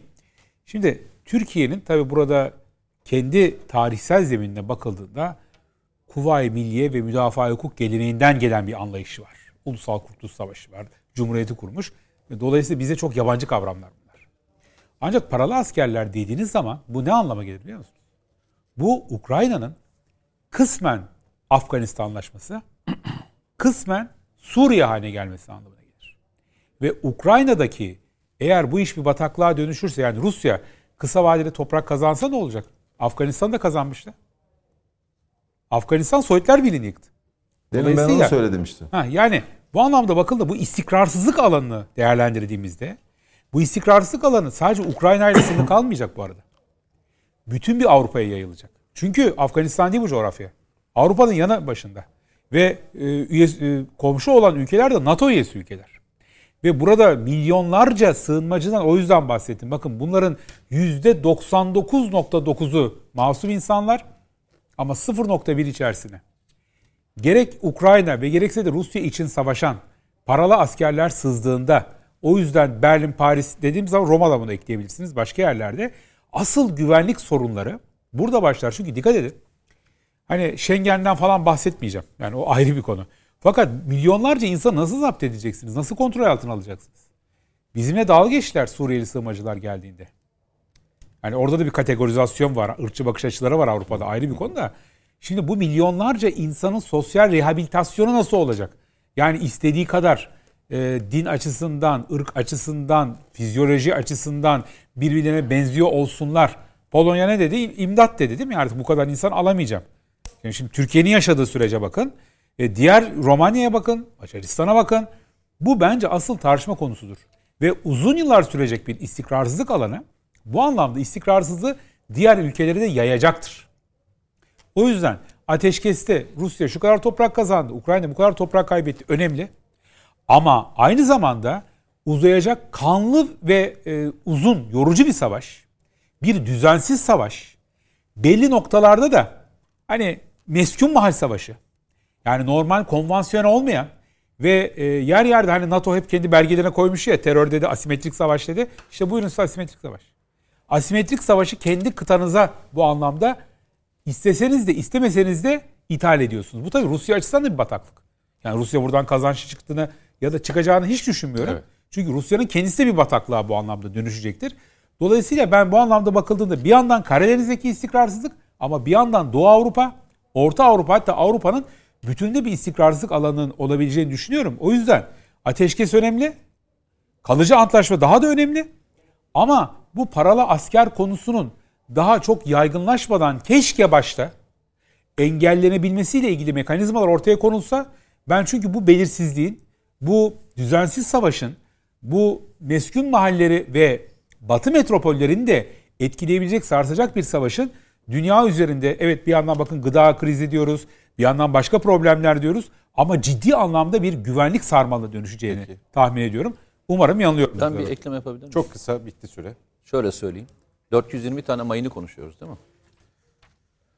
Bölgeye gönderilen tank savar, her türlü zırhlı aracı delebilecek kadar gelişmiş tank savar silahların miktarı on binlerce. Ben söyleyeyim mi size? Doğru. Asıl tehlike bu. Şu anda Avrupa'da bütün önemli şahsiyetler ve şeyleri koruyacak bir zırhlı araç yok. Stinger füzeleri dahil olmak üzere omuzdan atılan füzelerin sayısı belli değil şu anda sahada. Ve kimin elinde olduğu belli değil. Bunlardan bir veya birkaç tanesi uçuş güvenliği için, önemli hedefler için veya devlet adamları için saldırı için kullanabileceği potansiyel tehlikeyi düşünebiliyor musunuz? Şu anda Avrupa'nın göbeğinde Suriye dediğimiz hikaye bu. Avrupa'nın biz Suriye'de DAEŞ böyle doğmuştu. Burada bir DAEŞ doğmayacak. Ama burada ırkçı gruplar, DAEŞ benzeri ırkçı gruplar bütün önemli silah sistemlerine kavuştular. Bu silah sistemleri şu anda yalnızca o gördüğünüz adamlar şey için girmiyorlar sahaya. Ukrayna'ya yardım etmek için girmiyorlar. Silaha ulaşmak için de giriyorlar. O silahlardan 3 veya 5 tanesine fiyatlarının kara borsada ne kadar olabileceğini biliyor musunuz? O tank savar silahı, o Stinger'ların. Çok ilginç bir kalime ama ben bir kez daha söyleyeyim. Şu anda Suriye'de DAEŞ nasıl yaratıldıysa Avrupa'nın göbeğinde Ukrayna'da aynı illa İslami olması gerekmiyor. Tabii, tabii. Bunun tersi gruplar tarafından elde edilmiş korkunç silah var. Ve bu silah muhakkak Avrupa'da kullanılacak. Ma- maalesef Evet, oraya doğru biz onu sahada görmüştük bir kısmını ki bizim Ancak- gördüğümüzde bu kadar e, sayısı da çok fazla değildi. NATO orduları verilen Stinger'ları her sene uluslararası anlamda heyetler geliyor Türkiye'de sayar. Sayardı. Peki. Şu anda binlercesi şu anda kimin elinde olmadığı bir yerde sahada kullanılıyor. Peki. Hocam çok teşekkürler. Ben teşekkür ediyorum. için. Sağ olun. Çok sağ olun. Nedim Şener teşekkürler. Mete Yarar. Çok teşekkür Sayın ederim. Öztürk. Yılmaz Yenilik Partisi Genel Başkanı e, Ankara Stüdyo'da bizimle birlikteydi. Birkaç iç siyasete e, dair Ben başlığımız da vardı ama e, ne fırsatımız oldu ne de vaktimiz kaldı. Çok teşekkür ediyorum. Bir başka Bu, e, programda tekrar inşallah. hayırlı olsun. E, Çok Yapan teşekkürler. herkese eline sağlık diyorum. Çok sağ olun. Haftaya bekleriz efendim. Önümüzdeki hafta saatler 20.45'i gösterdiğinde yeni bir net bakışla yeniden karşınızda olacağız. Hoşçakalın.